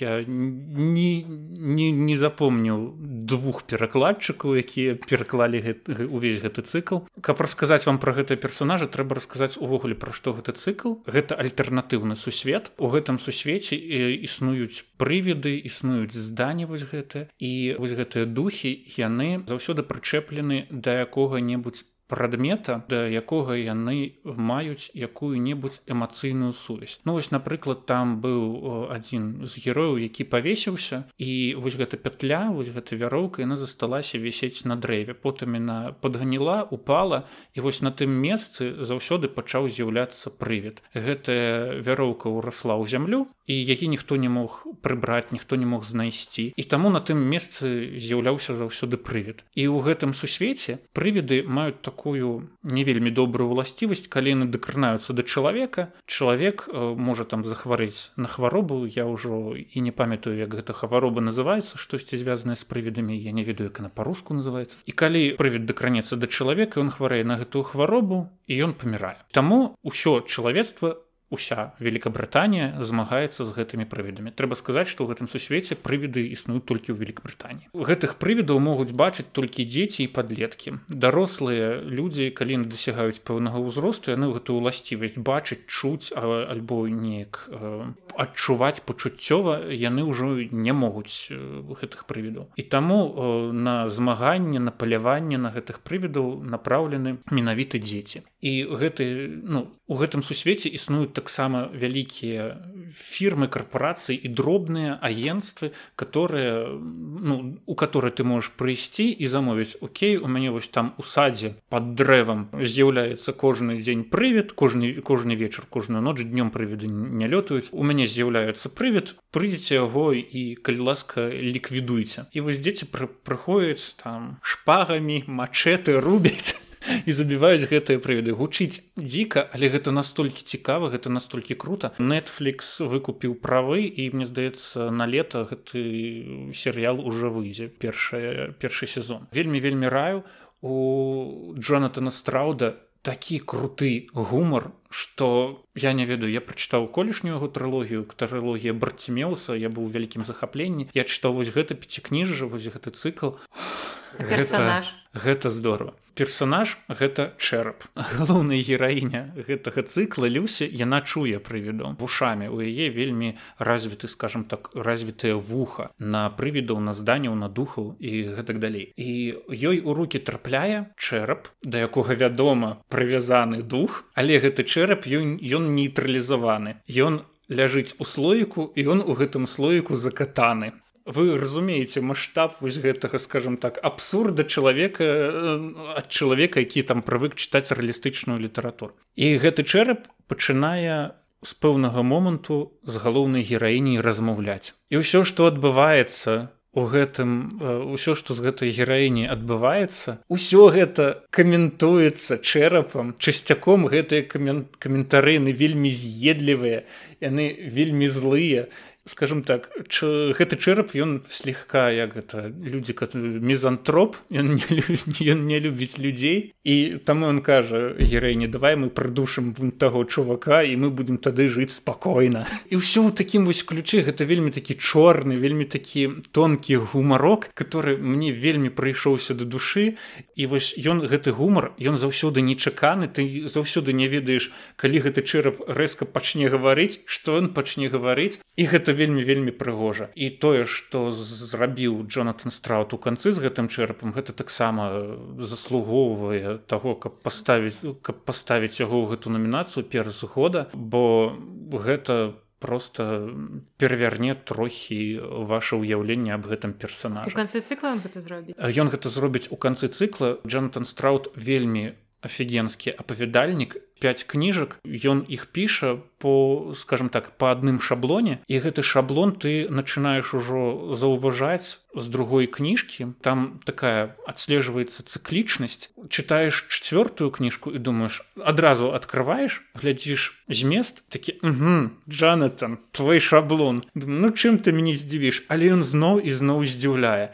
Кожны роман гэта асобная гісторыя і вось галоўная вось гэта гісторыя асноўная гісторыя твора яна ідзе праз усе пяць раманаў але галоўны націск асноўнай гісторыі ён даецца менавіта ў апошняй кніжцы. Таму калі вы будете чытаць трэці чацвёрты раман гэта не будзе граць там вялікай ролі што чыталі вы ці не чыталі штосьці раней да гэта з гэтага цыклу Таму вельмі раю вам пазнаёміцца з чэрапам. Я думаю што вы будете хахатаць у голас і вельмі будете чакаць сустрэцца з ім на наступных старонках гэтага пяцікніжа. За гэтага персонажа трэба даваць адназначна кніжнага оскара. Так як я люблю смерць з прачата са свету прачата то я думаю што якраз я читала, тое, што мне трэба я чытала першую частку з цыкла я брала дзіцячай бібліятэцы бо я чула гэту, так я mm. чула пра гэту серыю шмат першая кніга мне вельмі спадабалася І тады мы пераходзім да нашай наступнай намінацыі, которая называется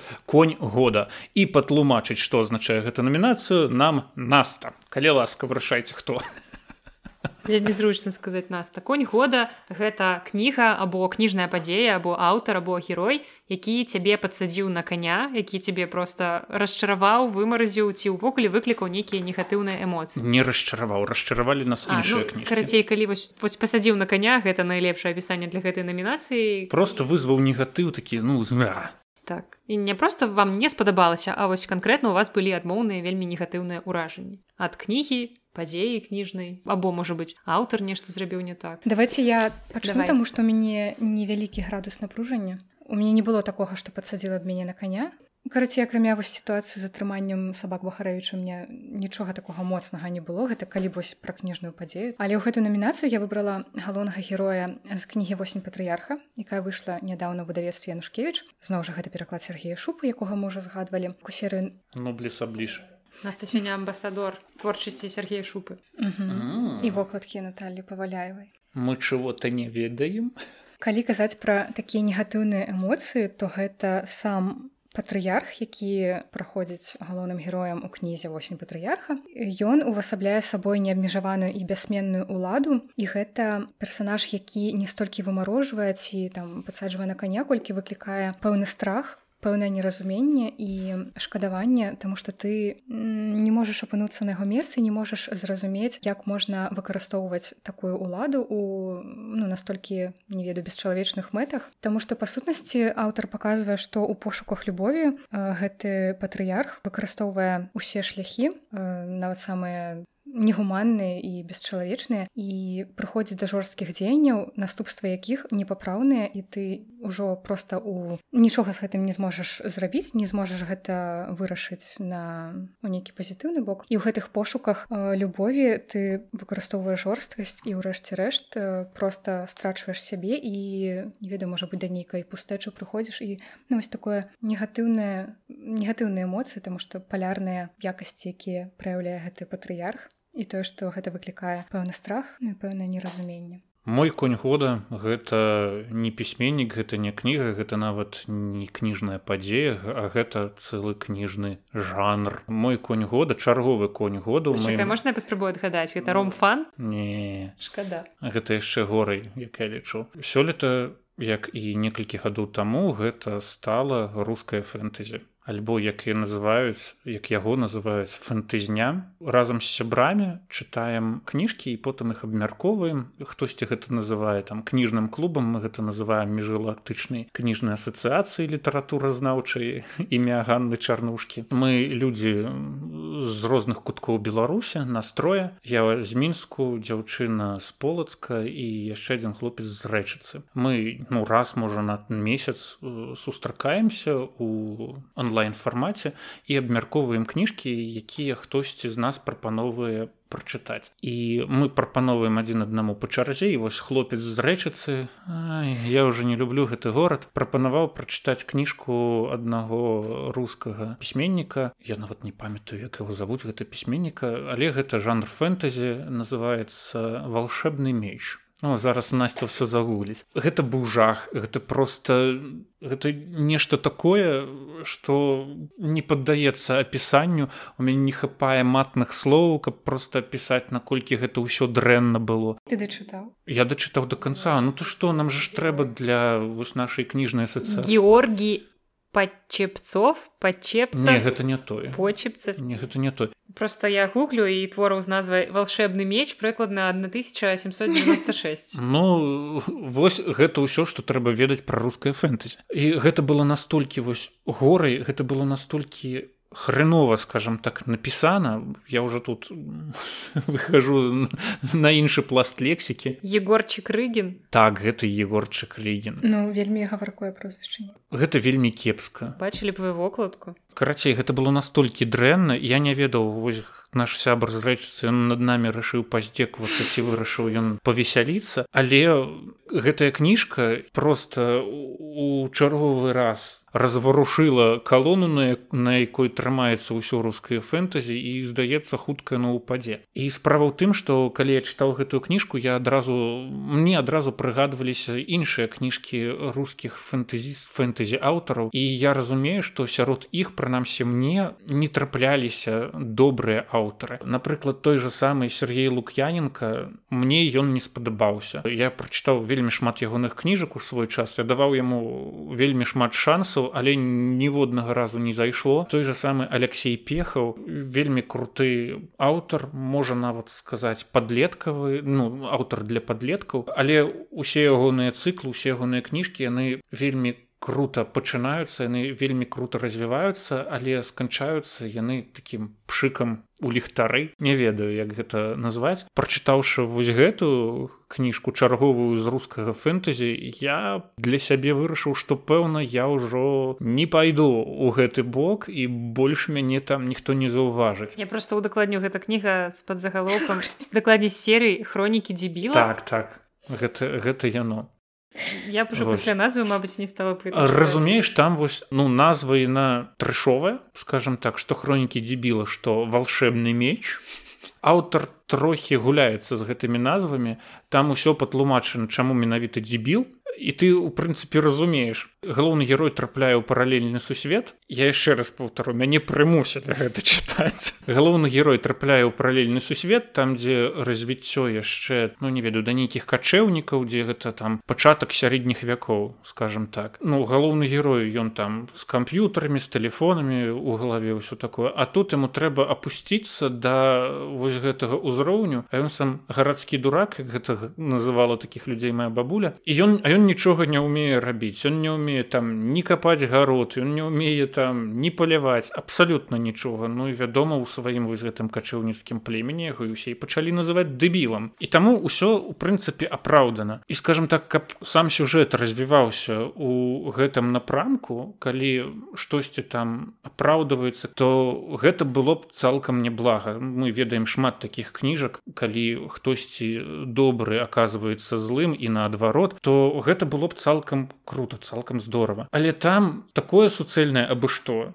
Мне цябе шкада что ты гэта прачытаў. Я адчуваю твой боль таксама. Ну так болю троху было але я не хачу цяпер вяртацца да рускага фэнтэзі увогуле і нават калі ёсць там добрыя аўтары я лічу что не я не буду ўжо губляць свой час лепей я там пачытаю каго а я вам скажу потым каго я пачытаю вы вы такімі позіркамі на мяне глядзіце быццам вы ё-маё бедненькі прыкладна так але каб вось гэтыя вярнёмся вернемся каб гэтыя хронікі дэбіла каб яны там было ў іх штосьці такое прадумана яко якойсьці прадуманасці ну тады б Окей. Але калі гэта я не разумею для каго гэта напісана навошта гэта напісана Мабыць не не будзем згадваць зноў гэтую кніжку пра што гэта напісана. Але ну вось для мяне гэта расшатала маю веру ў рускую фэнтэзійка і так была не вельмі скажем так трывалая. Яна расшатала ўшчэнт і зараз я лічу што да гэтага жанра я не вярнуся увогуле ну ёсць шмат іншых цікавых кніжак і зараз па-беларуску шмат іншых цікавых кніжак выходзіць у бліскучых перакладах. Таму не не не. Весело мне здаецца бо зараз я буду бомбіць. Бо давай. такога сярожа я буду бомбіць. У мяне есть так пачынай. гук кулакоў. І мне некалькі расчараванняў. Я спачатку згадаю такія ведаеце просто як это кажуць вартыя увагі калі назва кніжкі пераб'е хронікі дэбіла не хронікі дэбіла сёння ніч я думаю што мы, мы назовем гэты падкаст хронікі дэбіла што б гэта не значыла так. І я згадаю вось літаральна там некалькі такіх невялічкіх паняшак каняшак якія мяне трохі э, падсадзілі на эмоцыі. Гэта у першую чаргу нармальныя людзі салі руні. Гэта творыкі выйшаў па-беларуску выдавестве нушкевіч гэта нармальны твор гэта ну добры творыкі можна чытаць але там ёсць два персонажы якія не умеюць размаўляць паміж сабой. Гэта ну нармальная рыса для маладых людзей якія не умеюць камунікаваць. Замест таго каб нешта вырашыць яны а я падумаў гэта а магчыма ён думае так і таму я зраблю вось так і вось такім чынам гэта абсолютно тыпова але ну гэта насамрэч гэта абсолютно нормально ну тут кніга якую я магу раіць але героі якія мяне пасадзілі на каня ну у добрым сэнсе выклікалі нейкія эмоцыі гэта добра калі кніжка выклікае такія эмоцыі. Не гэта, гэта выключна добра. Я, я адразу згадываю ева вайтоўскую гарызлівы пацалунак там мяне ўсе вымаражвалі. Так, потому что ты успамінаеш сябе ў гэтым узросце і ты таксама так рабіў але ты ўжо дарослы і ты думаеш блин чувакі навошта вы гэта робіце? Вось але разумееш вось у мяне напрыклад зараз калі і трэба пераказаць вось ева вайтоўскую гарызлівы пацалунак я падразу там гаварыў адна лаферында і, і далей пайшло па по пераказе калі б гэта напісалі але...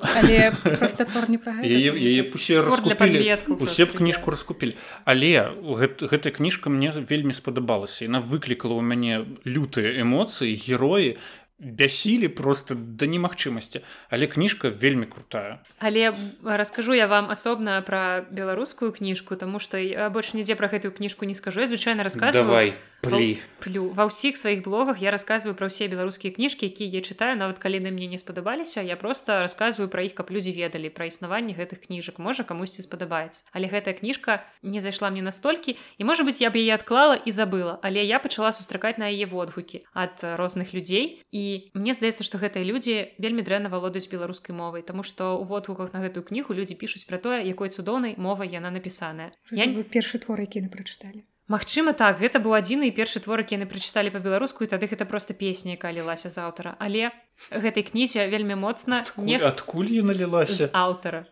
Канкрэтна органы не ведаю адкуль там звычайна ў людзей нешта выліваецца з розных месцаў і вось карацей гэтай кнізе вельмі моцна не хапала рэдактара я сёння нават не буду закранаць сюжэт бо неважна там ёсць две сястры галоўнай гераіні і кніга называется сёстра напісаў яе мікола адам. Гэта мой першы твор прачытаны ў аўтара але ў яго ёсць яшчэ некалькі твораў я все ж таки буду іх чытаць я спадзяюся знайсці нешта добрае але чаму мяне гэтая кніга так раззлавала і пасадзіла на коня? Таму што яна настолькі дрэнна адрэдагавана што я не разумею як там можна гэтага не бачыць я ўсё закладкі з ляпамі. больш вось тут у мяне я трымаю кнігу ў руках у мяне тут стыкерамі адзначана паловах закладак гэта зраблю фотку так. Ну тут ёсць ляпы такія чыста ведаеце стылістычныя можа быть я прыдзіраюся але я чытала гэтыя кавалкі людзям і людзі казалі што mm -hmm. гэта трэш напрыклад вось для вас маё любімае просто майстар параўнанняў аўтар невядомасць паглынала яе з'ядала знутры бы глісты Там перад гэтым апісваецца такі вельмі сур'ёзны напружаны момант, дзе гераіня спрабуе даведацца, што адбылося з хлопцам. Ён там не вярнуўся дадому, яны шукаюць яго, не ведаюць, што з ім адбылося. Гэта такі сапраўды вельмі напружаны момант. І яна расказвае пра тое, што невядома з'ядала яе знутры бы глісты. Прыкінекі гэта стылістычны прыём. Это вось просто так Хрэш абру, абру, абрубае хлабы просто нібыта мяне галавой пополам. Просто і вось тут ёсць некалькі параўнанняў такога ж узроўню можа быть гэта стыль аўтара мне трэба прачытаць яго іншыя творы. Можа быть ён так усе кнігі піша вось параўнанне таксама выстрэліў ён па сваёй ахвоце без папярэджання напаў на тараса як гітлер на савецкі саюз ну, гэта даволі здаецца нават клішэнне ну, ну, такое, гэта кліше гэта такое ведаеш вясковыя там дзе не не ведаю мужикі селі там на прызбе ну, так. і, і штосьці такія травяць байкі вось такое ну гэта вось такія як бы стылістычныя моманты але ёсць ну тут просто немагчыма я кожны раз спатыкалася бо аўтар вельмі любіць доўгія сказы ускладненымі рознымі канструкцыямі складана злучаныя складана залежныя сказы і яны ў яго тут карацей сінтаксі сказаў вельмі вельмі кульгавы. Напрыклад вось сказ просто ты чытаеш яго і спатыкайся напрыклад тая сядзела под велізарным дубам што рос пасярэдзіне плошчы акальцаваным драўлянымі лаўкамі ну тут відавочна што павінна быць ну карацей пачасткі месцамі трэба памяняць тому што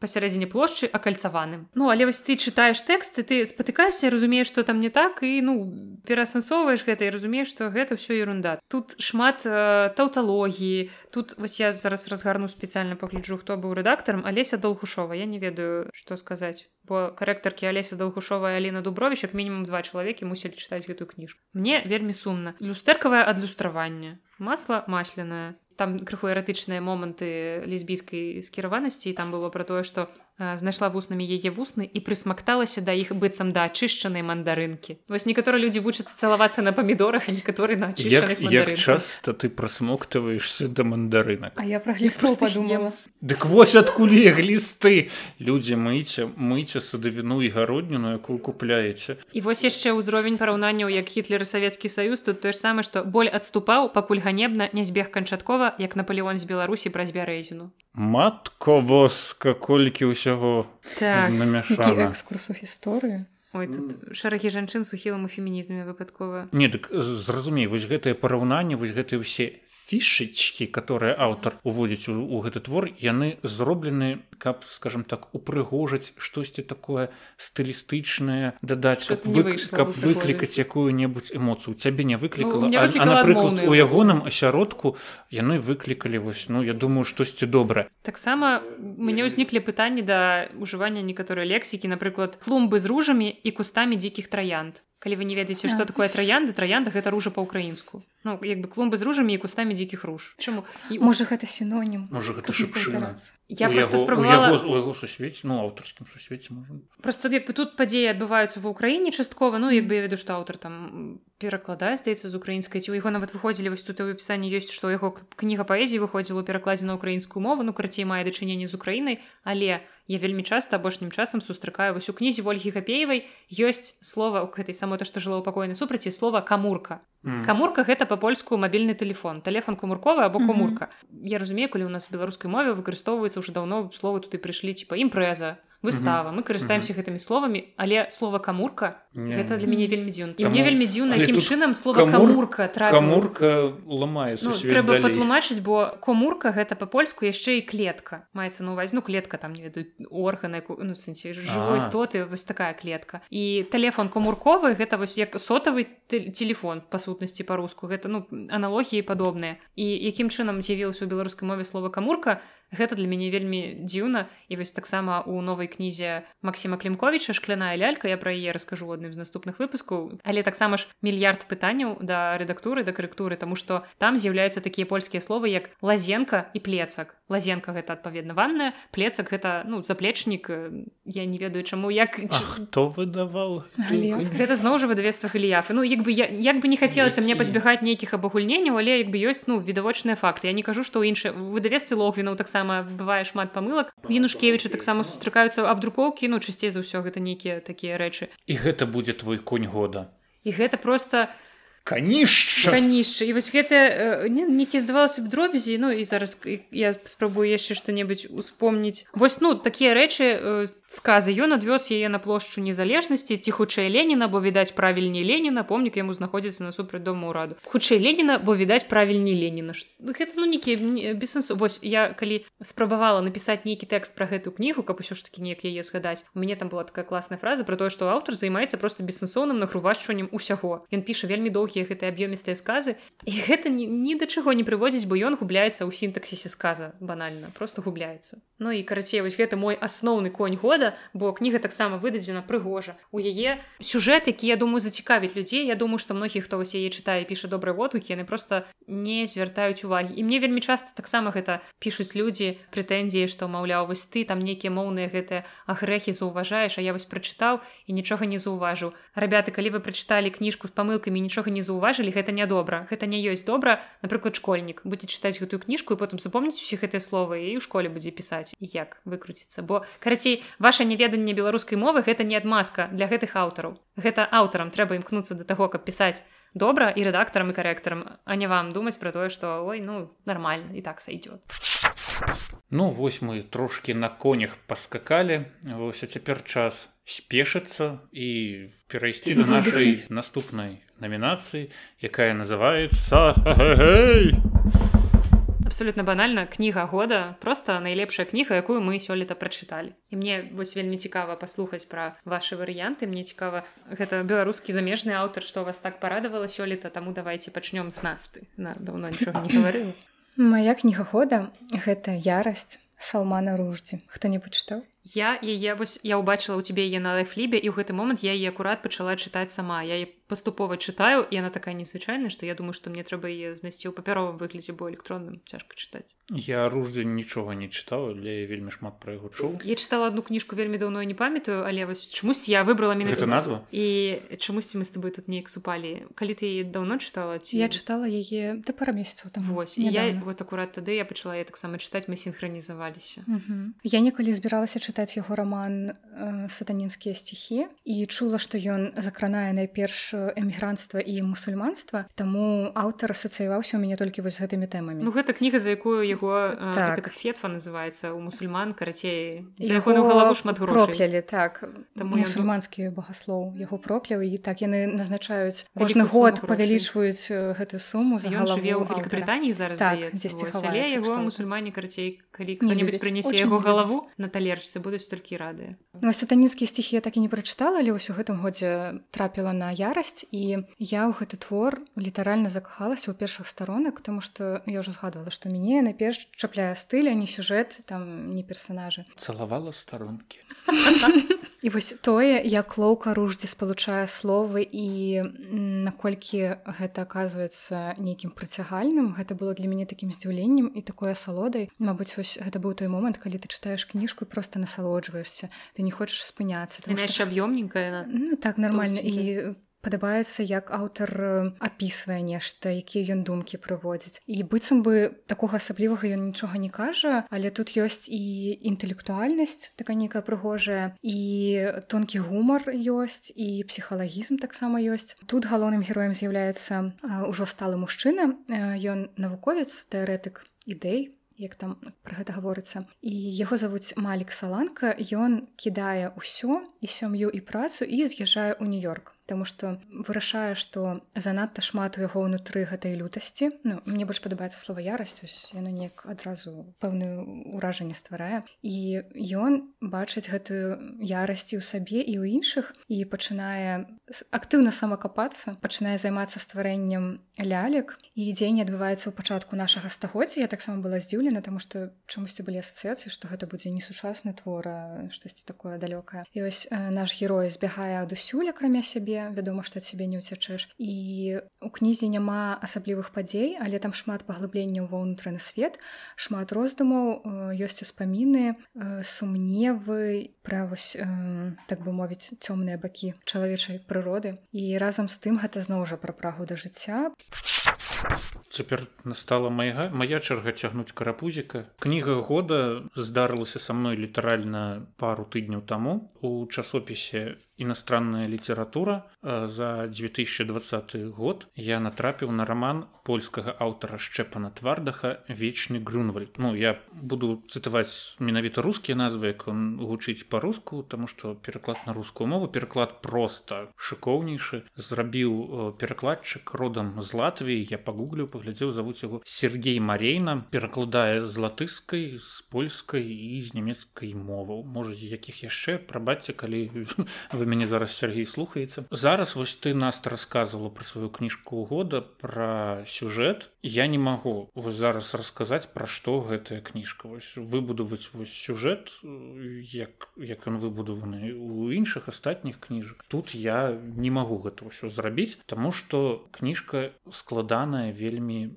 у інтэлектуальным плане прынамсі для мяне. Аўтар бярэ аднаго героя яго завуць пашко і гэты герой жыве у 15 у 14 15 стагоддзях. Ён выпісвае як гэты герой нараджаецца як яго ну, зачынаюць як праводзіць сваё дзяцінства і прынамсі да самай смерці ў 1410 годзе. Ўсё не так просто здаецца бы ну ён просто апісвае лёс канкрэтнага чалавека але гэты чалавек памірае у 1410 годзе і вось ягоная сутнасць яна быццам бы назірае за сваім лёсам который ён пражыў. І ў пэўны момант гэты чалавек вось гэтая сутнасць яна перанараджаецца недзе зноў атрымлівае новы досвед і зноў вяртаецца вось у гэту кропку у кропку грунвальда. І гэты вось грунвальд ён не завязаны на 1410 год. Ён ідзе нашмат далей. Сам герой ён пераскоквае з адной рэальнасці ў іншую потым ён пераскоквае ў інша свет вось у гэты эфір дзе гэта немагчыма назваць душой где вось гэтая сутнасць чалавека дзе яна боўтаецца дзе яна чакае сваю чаргу выцягнуць карапузіка. Пра яго вельмі складана вы зараз мне расказваць. У гэты роман ён вельмі класна пераліваецца вось з адной вось гэтай рэчаіснасці у нерэчаіснасць ён пераліваецца літаральна там з аднаго радка ў іншы. Напрыклад галоўны герой ён там з нейкім маршалкам 1410 годзе едзе з кракова на поўнач польшчы. І вось ён кажа вось мы селі на коні і паехалі і вось абзацам ён апісвае як яны едуць і наступны абзац. І вось мы даехалі. Мы вылезлі з танка і пачалі там рабіць тое тое і вось вось гэтая гульня з рэальнасцямі ты разумееш што гэты герой ён пачынае перараджацца. Ён перараджаецца ў гісторыі польльшы ён актыўны дзеяч польскай гісторыі ён штосьці робіць але ён зноў вяртаецца у гэты эфір. І ў яго вось гэты досвед польскай гісторыі досвед пальшчызны прырастае і расшыраецца. Але справа ў тым што сам галоўны герой у ён не паляк ён такі мяшанец. Ён на палову паляк на палову немец. Можа яшчэ ж хто-небудзь. Вось гэты эфір ну, мат, матка польшча называется вот іх эфір дзе яны ўсе вось болтаюцца. Я складана рассказываю складана понять гэта вельмі круто напісана і вось вось у гэты эфір дамешваюцца іншыя скажем так канструкты. У гэтым дачыненні нямецкі вось гэта нямецкі унёсак. Аўтар ставіць пытанні хто ёсць я. Вось я зараз болтаюсь вось у гэтым вялікім па-руску безвременье вне временье все временье але чыё гэта временье? Гэта там временье польскае гэта времень альбо гэта не польская праблема пытання вось гэтай ідэнтыфікацыі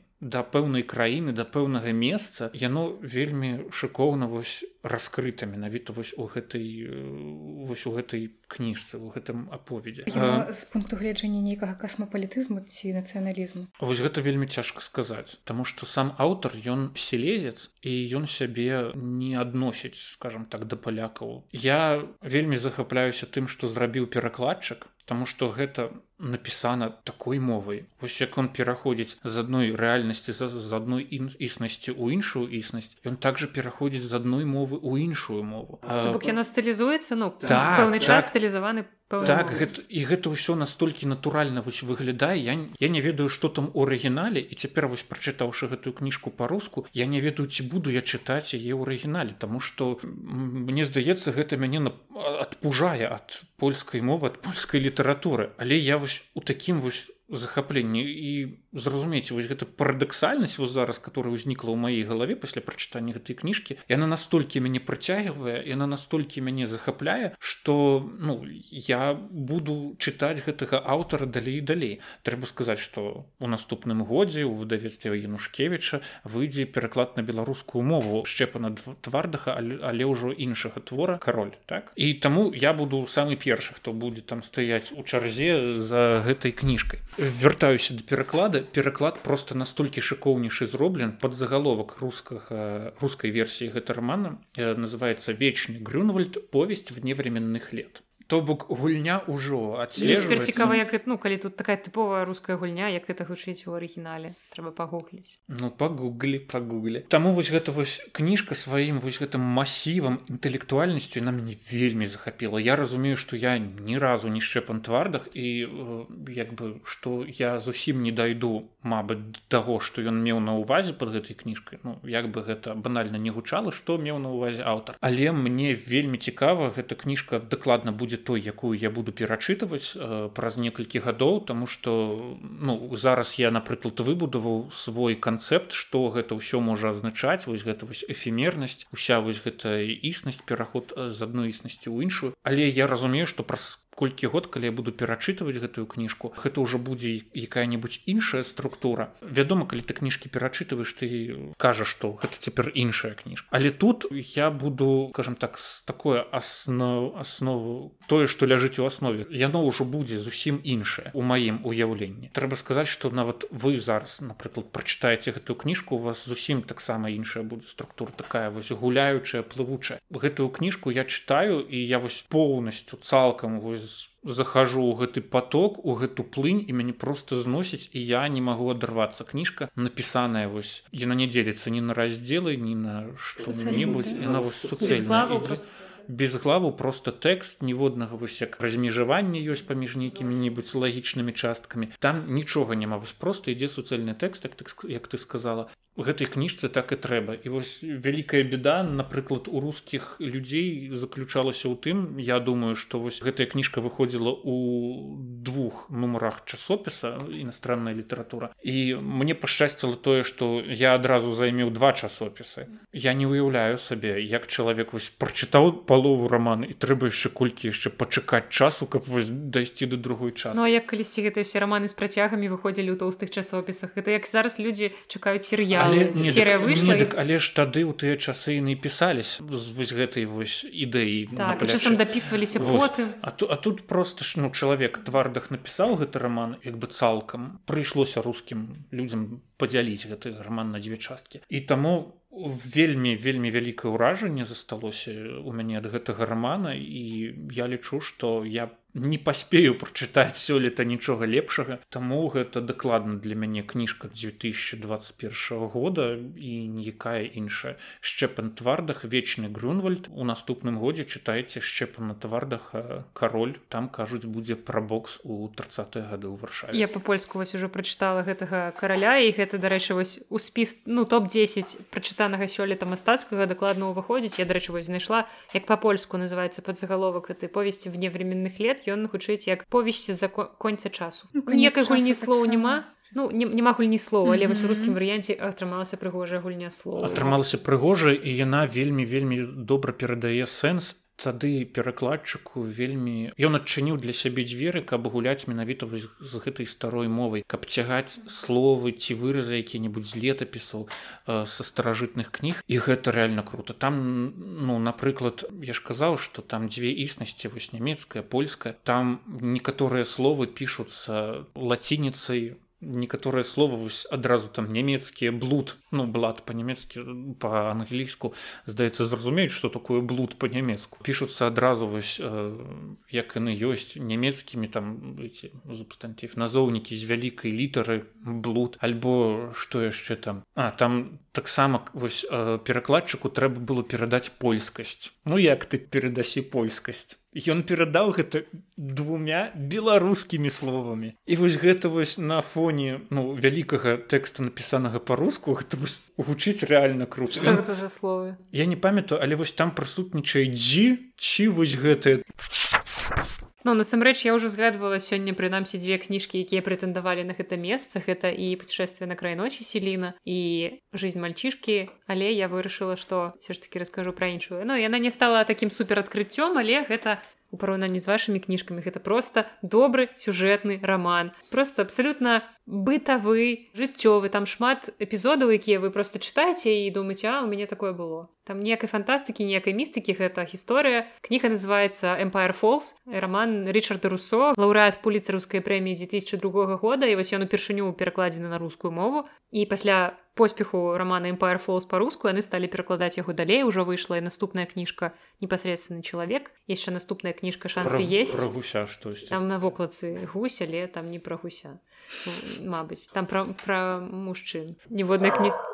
ты гаўка і гэта вельмі аб'ёмная кніжка і чытаць можна даволі доўга можна праглынуць зараз але ну я не раю гэта твор які спачатку вы пачынаеце яго чытаць вам падаецца што ён вельмі лёгкі такі гумарыстычны смешны твор. Там сапраўды шмат момантаў жыццёвых над якімі вы там можете пахіхікаць. Маўляў вось у мяне такое же было хаха гэта такое нешта жыццёвае блізкае. Але насамрэч там потым столькі драм открывваецца што немагчыма чытаць гэту кніжку без слёз. Тут ёсць галоўны герой самы просты чалавек майлз ён два десятгоддзі працуе ў мясцовай кавярні вось она называется Empire Falls гэта такая не ведаю не піўнуха мясцовая забягалаўка куды ходзіць там все людзі і ён працуе там вось 20 гадоў і зразумела што ў яго там ну ніякага кар'ернага росту быць не можа і ён усё спадзяецца што вось жанчына якая ну там багатая жанчына мясцовая якая валодае гэтай кавярні што яна памрэ нарэшце адпіша яму ўсё гэта. Нехта чакае што яму бабка адпіша хату а ён вось чакае што яму бабка адпіша забягал Ён разводзіцца жонкай у яго дачка падлетак з якой ён таксама не можа наладзіць камунікацыю карацей такі чалавек з крызісам сярэдняга ўзросту. І вось гэтая кніга напісаная настолькі што ты чытаеш і просто нібыта назіраеш за нейкімі сваімі знаёмымі. Там ну не адчуваецца што яе нехта пісаў. Ты просто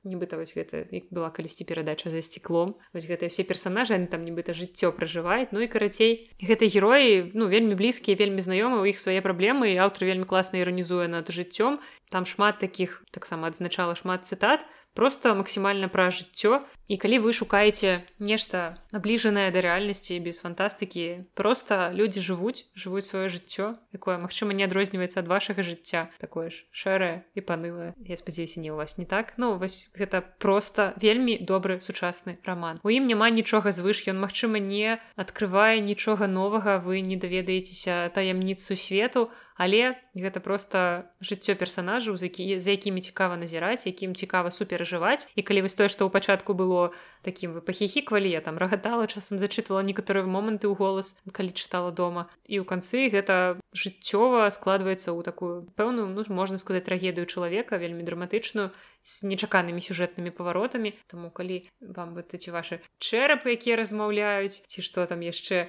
гэта вот вам усё не патрэбнае то чытайце добры сюжэтны роман Empire Falls Рчарда Руссо. Авраам Руссо это зноў тэст на ўзрост але ладно я ведаю хто такі Авраам Руссо. Мне так падабаецца што ў нас такія розныя Ну я думаю что на наступную намінацыю мне просто трэба уйсці вы сысці адсюль і больш не вяртацца не ну Боже мой. у нас засталася намінацыя якая называется насмяшы божаньку 2022 мы дзелімся планамі на чытанне ў наступным годзе вось вы дарэчы з тых людзей якія там робяць нейкі план на год і потым паступова чытае кніжкі з гэтага там план на месяц. Не. У мяне ёсць дома спіс 25 пазіцый дзе просто напісана кніжка напісаная жанчынай кніжка напісаная 400 гадоў таму як мінімум. А тыпу запоўніць гэты так і вось мне просто за год вось челлендж набраць там лаўрэат ну кніжка лаўрэата нобелеўскай прэміі кніжка лаўрэата там пуліца рускай ці яшчэ якой іншай прэміі. Кніжка там беларускага аўтара і ўсё такое. Ну тут я штосьці такое вяду. Я ніколі спецыяльна не падбіраю кніжкі под гэты спіс але ў канцы года я просто збіраю тыя кніжкі якія прачытаў за год і збіраю з тым запоўніцца ў мяне гэты спіс ці не. І вось гэта для мяне вельмі вельмі цікава. Класны класны падыход. Але ну я вот таксама не раблю асаблівыя планы але зараз раз мы придумалі гэтую намінацыю нам трэба будзе нешта сказаць. Сказаць? Ну гавары ладно я пачну з таго что Я спадзяюся, што ў наступным годзе я буду чытаць цэлымі днямі толькі кніжкі Джона Ірвінга. ёсць такі выдатны сучасны амерыканскі пісьменнік Джон Ірвінг, які піша проста фантастычныя раманы. Не ў сэнсе фантастыкі, а ў сэнсе жыццёвы. Не, яны не жыццёвыя, б не сказала, што яны жыццёвыя, там такія часам персонажы сустракаюцца, якія не маглі б узнікнуць проста у жыцці, але ў творах Ірвінга яны ёсць і выглядаюць абсалютна рэалістычна. І вось моя бабуля прачытала ўжо амаль усе мая бабуля 88. Яна прачытала амаль все кнігі Джона Ірвінга, ёй ёсць што сказаць ёй падабаецца. І таму я хочу каб нам з бабулі было пра што пагаварыць. Акрамя таго ці паела я ці добра я апранулася ці добра я сябе адчуваю. Паклічыш яе на падкаст так я прыйду да бабулі сяду і скажу записывайся насамрэч я вяду ў сваім нстаграме рубрыку ба читает там я рассказываю про кнігі які чытае моя бабуля. А сама ты чытала ірвинга я чытала ірвинга вось чаму я хочу яго чытаць тому что для мяне ірвинг быў адкрыццём нават паза мінулага здаецца года сёлета я не прачытала ніводнай кнігі ірвинга гэта маё просто вялікае расчараванне я прачытала дзве кнігі першай кнігай якой я адкрыла для сябе аўтара быў мир глазами гарпа або мир по гарпу есть экранізацыя на по-рознаму перакладаецца здаецца і гэта была адна з найлепшых кніжак якую я прачытала па-за мінулым здаецца годзе. Гэта просто было шыкоўна. Я зразумела сутнасць твору ірвинга яны прынцыпе ну, як сказала моя бабуля якая чытала гэтыя кніжкі забар яны все падобныя. Я чытала другой кнігай правіла вінаделов або правіла дома сідрак за сідрхаус рукс по-моему на па-ангельску так называется і гэта я зразумела мой аўтар просто стосоткава мой аўтар. Я была ў поўным захапленні ад усіх яго твору это вось гэтай вось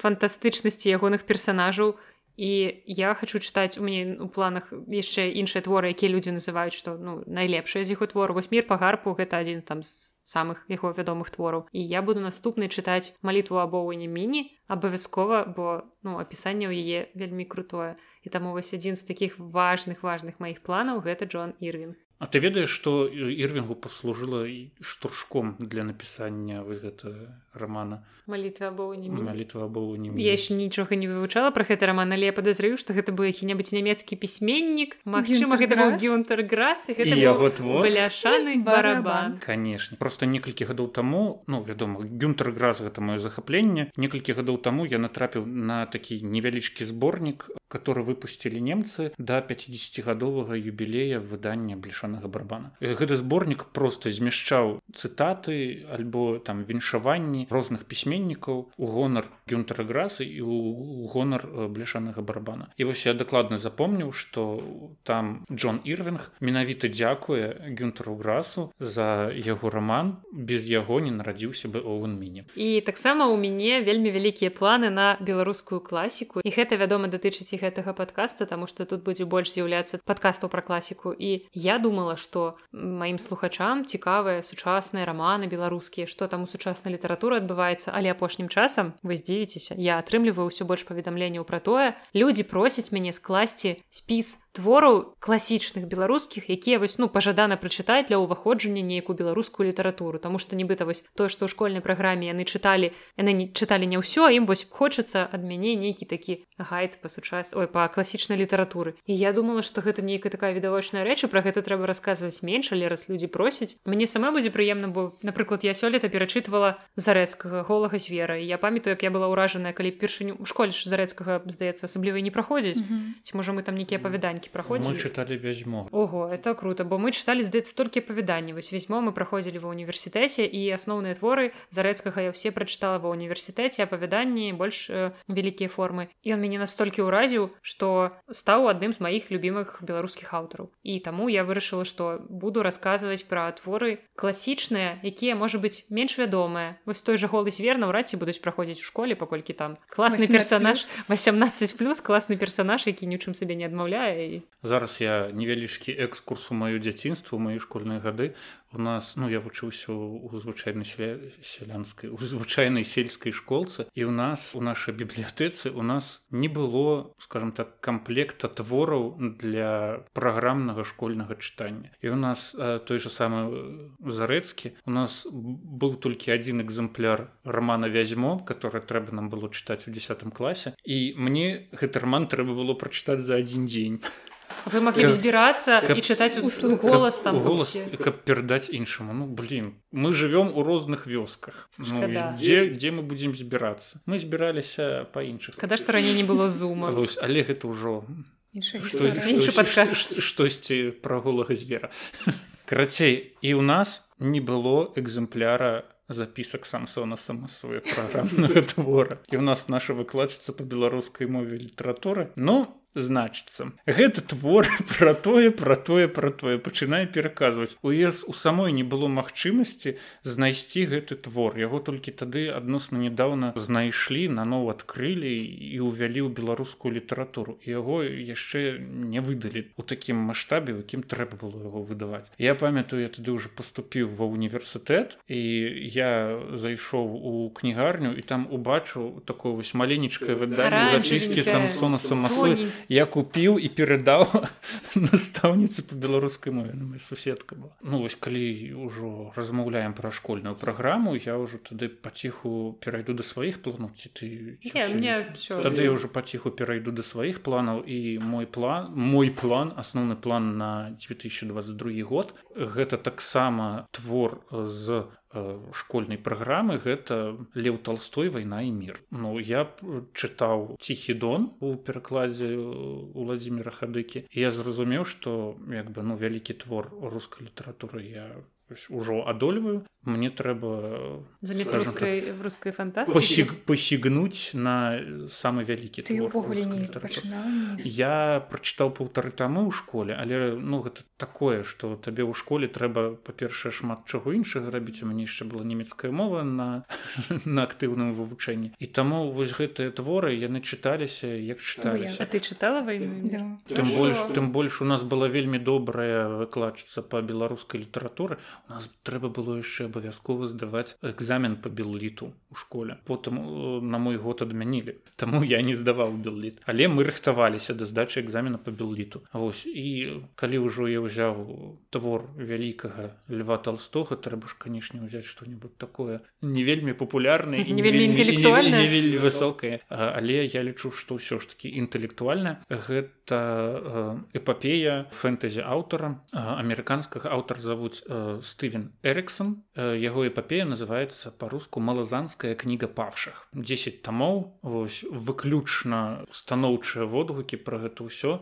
Даволі складаны твор даволі шмат герояў даволі шмат усяго намешана. Людзі паміраюць людзі нараджаюцца. І самае што мяне вельмі вабіць да гэтага твора я вельмі люблю кніжкі як я ўжо сказаў кніжкі перавёртышы калі ўсё оказывается не ўсё так як яно было спачатку гэта адна з тых кніжак калі ты адных герояў любіў потым ненавідзе ненавідзіш іх усёй душой. Так гэта штосьці такое дзе там вельмі вельмі шмат сакрэтаў дзе адзін сакрэт закладзены ў першым томе раскрываецца напрыклад у сёмым а ў пятым ты разумееш што гэта ўсё ж таки сакрэт. Ты будзеш запар чытаць іх? Я думаю, што я буду размяжоўваць іх, але ну я не думаю, што я прачытаю ўсю гэту эпапею, але я вельмі чакаў яго вельмі вельмі доўга гэты цыкл перакладалі на рускую мову і я чакаў пакуль выйдзе 9 тамоў, каб ужо наверняка, бо такая справа з перакладамі фантастыкі фэнтэзі, што перакладаюцца першыя тамы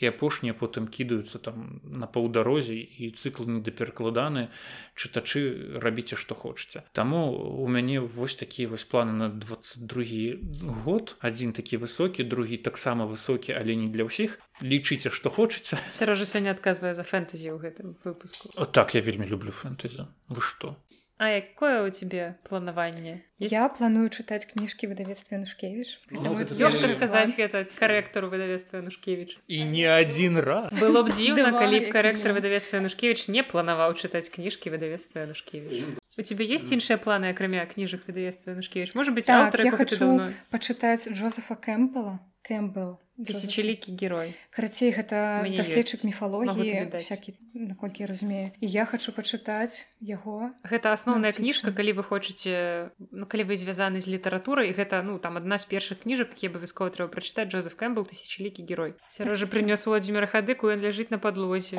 на бетон але, але калі мяне. Але каля цябе.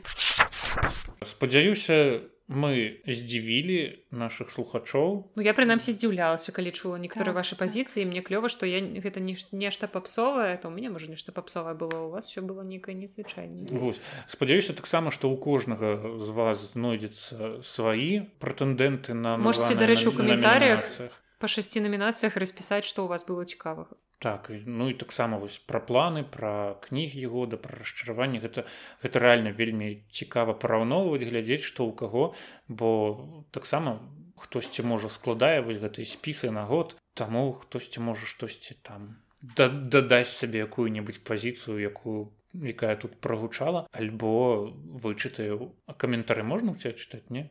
Так ага, альбо вы Ну, на ўсіх пляцоўках на якіх можна пакідаць каменты гэта soundcloud гэта кастбокс там да кожнага выпуску можна і пакідаць. нават YouTube. Ну YouTube так мы запустили. Табе трэба- кажу, мы я запустила YouTube. Калі шмат чытаеш то шмат пра што хочацца расказваць і вось я сёння себе стрымлівала выбіраючы ну хаця б там не больш за тры кнігі ў намінацыі бо хочацца пагаварыць увогуле пра многае вельмі шмат класных Так, ну насамрэч намінацый на самом пачатку было трошки болей, але праз тое, што што нас тут трое, трое чалавек мы вырашылі абмежавацца лічбай 567 каб вас не грузіць бо і так мы ўсё роўна падчас размовы пра адныя кніжкі расказвалі яшчэ пра 15 Ну спадзяюся што знойдуцца людзі которым гэта оказывается было цікава і которые застануцца надалей з насцей можна падзяліцца з сябрамі і расказаць пра гэты выпуск і пра іншыя выпускі. Спадзяёмся што мой незразумелы гумар прыйшоўся даспадобы камусьці а каму не прыйшоўся нарэшце ў гэтым падкасці з'явіўся хоць які гумар.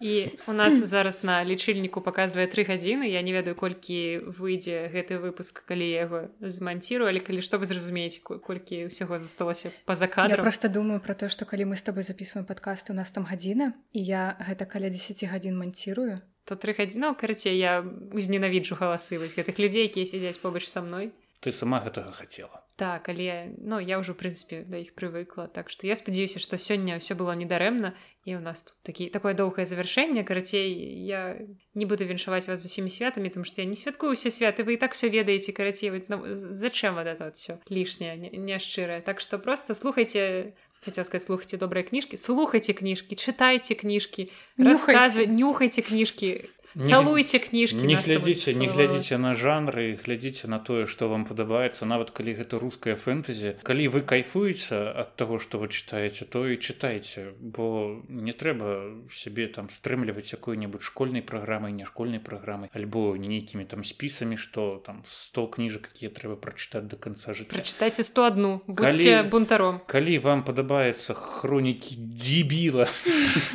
то чытайце іх калі вам падабаецца той же самы Джанатан страут который нашмат лепей за Джан роулинг я лічу то чытайце Джан роулинг і Джанатан страуда. Або калі вам падабаюцца Просто... пісьменнікі анархісты і мізантропы таксама чытайце калі вам падабаецца разглядваць карцінкі ў кніжках ну і слухайце папярэдні выпуск мы там сярожам добра гаворым пра мозара дарэчы я ўжо атрымала каментары пра тое што жанчына прачытала гэтую кніжку і многае стала зразумелым пасля нашага падкаста круто і таму на сёння мы завершаем нашу вось гэтую балбатню Всего вам добрага чытайце кніжкі добрых кніжак добрых думак не плачце все будзе добра все да сустрэчы бай-бай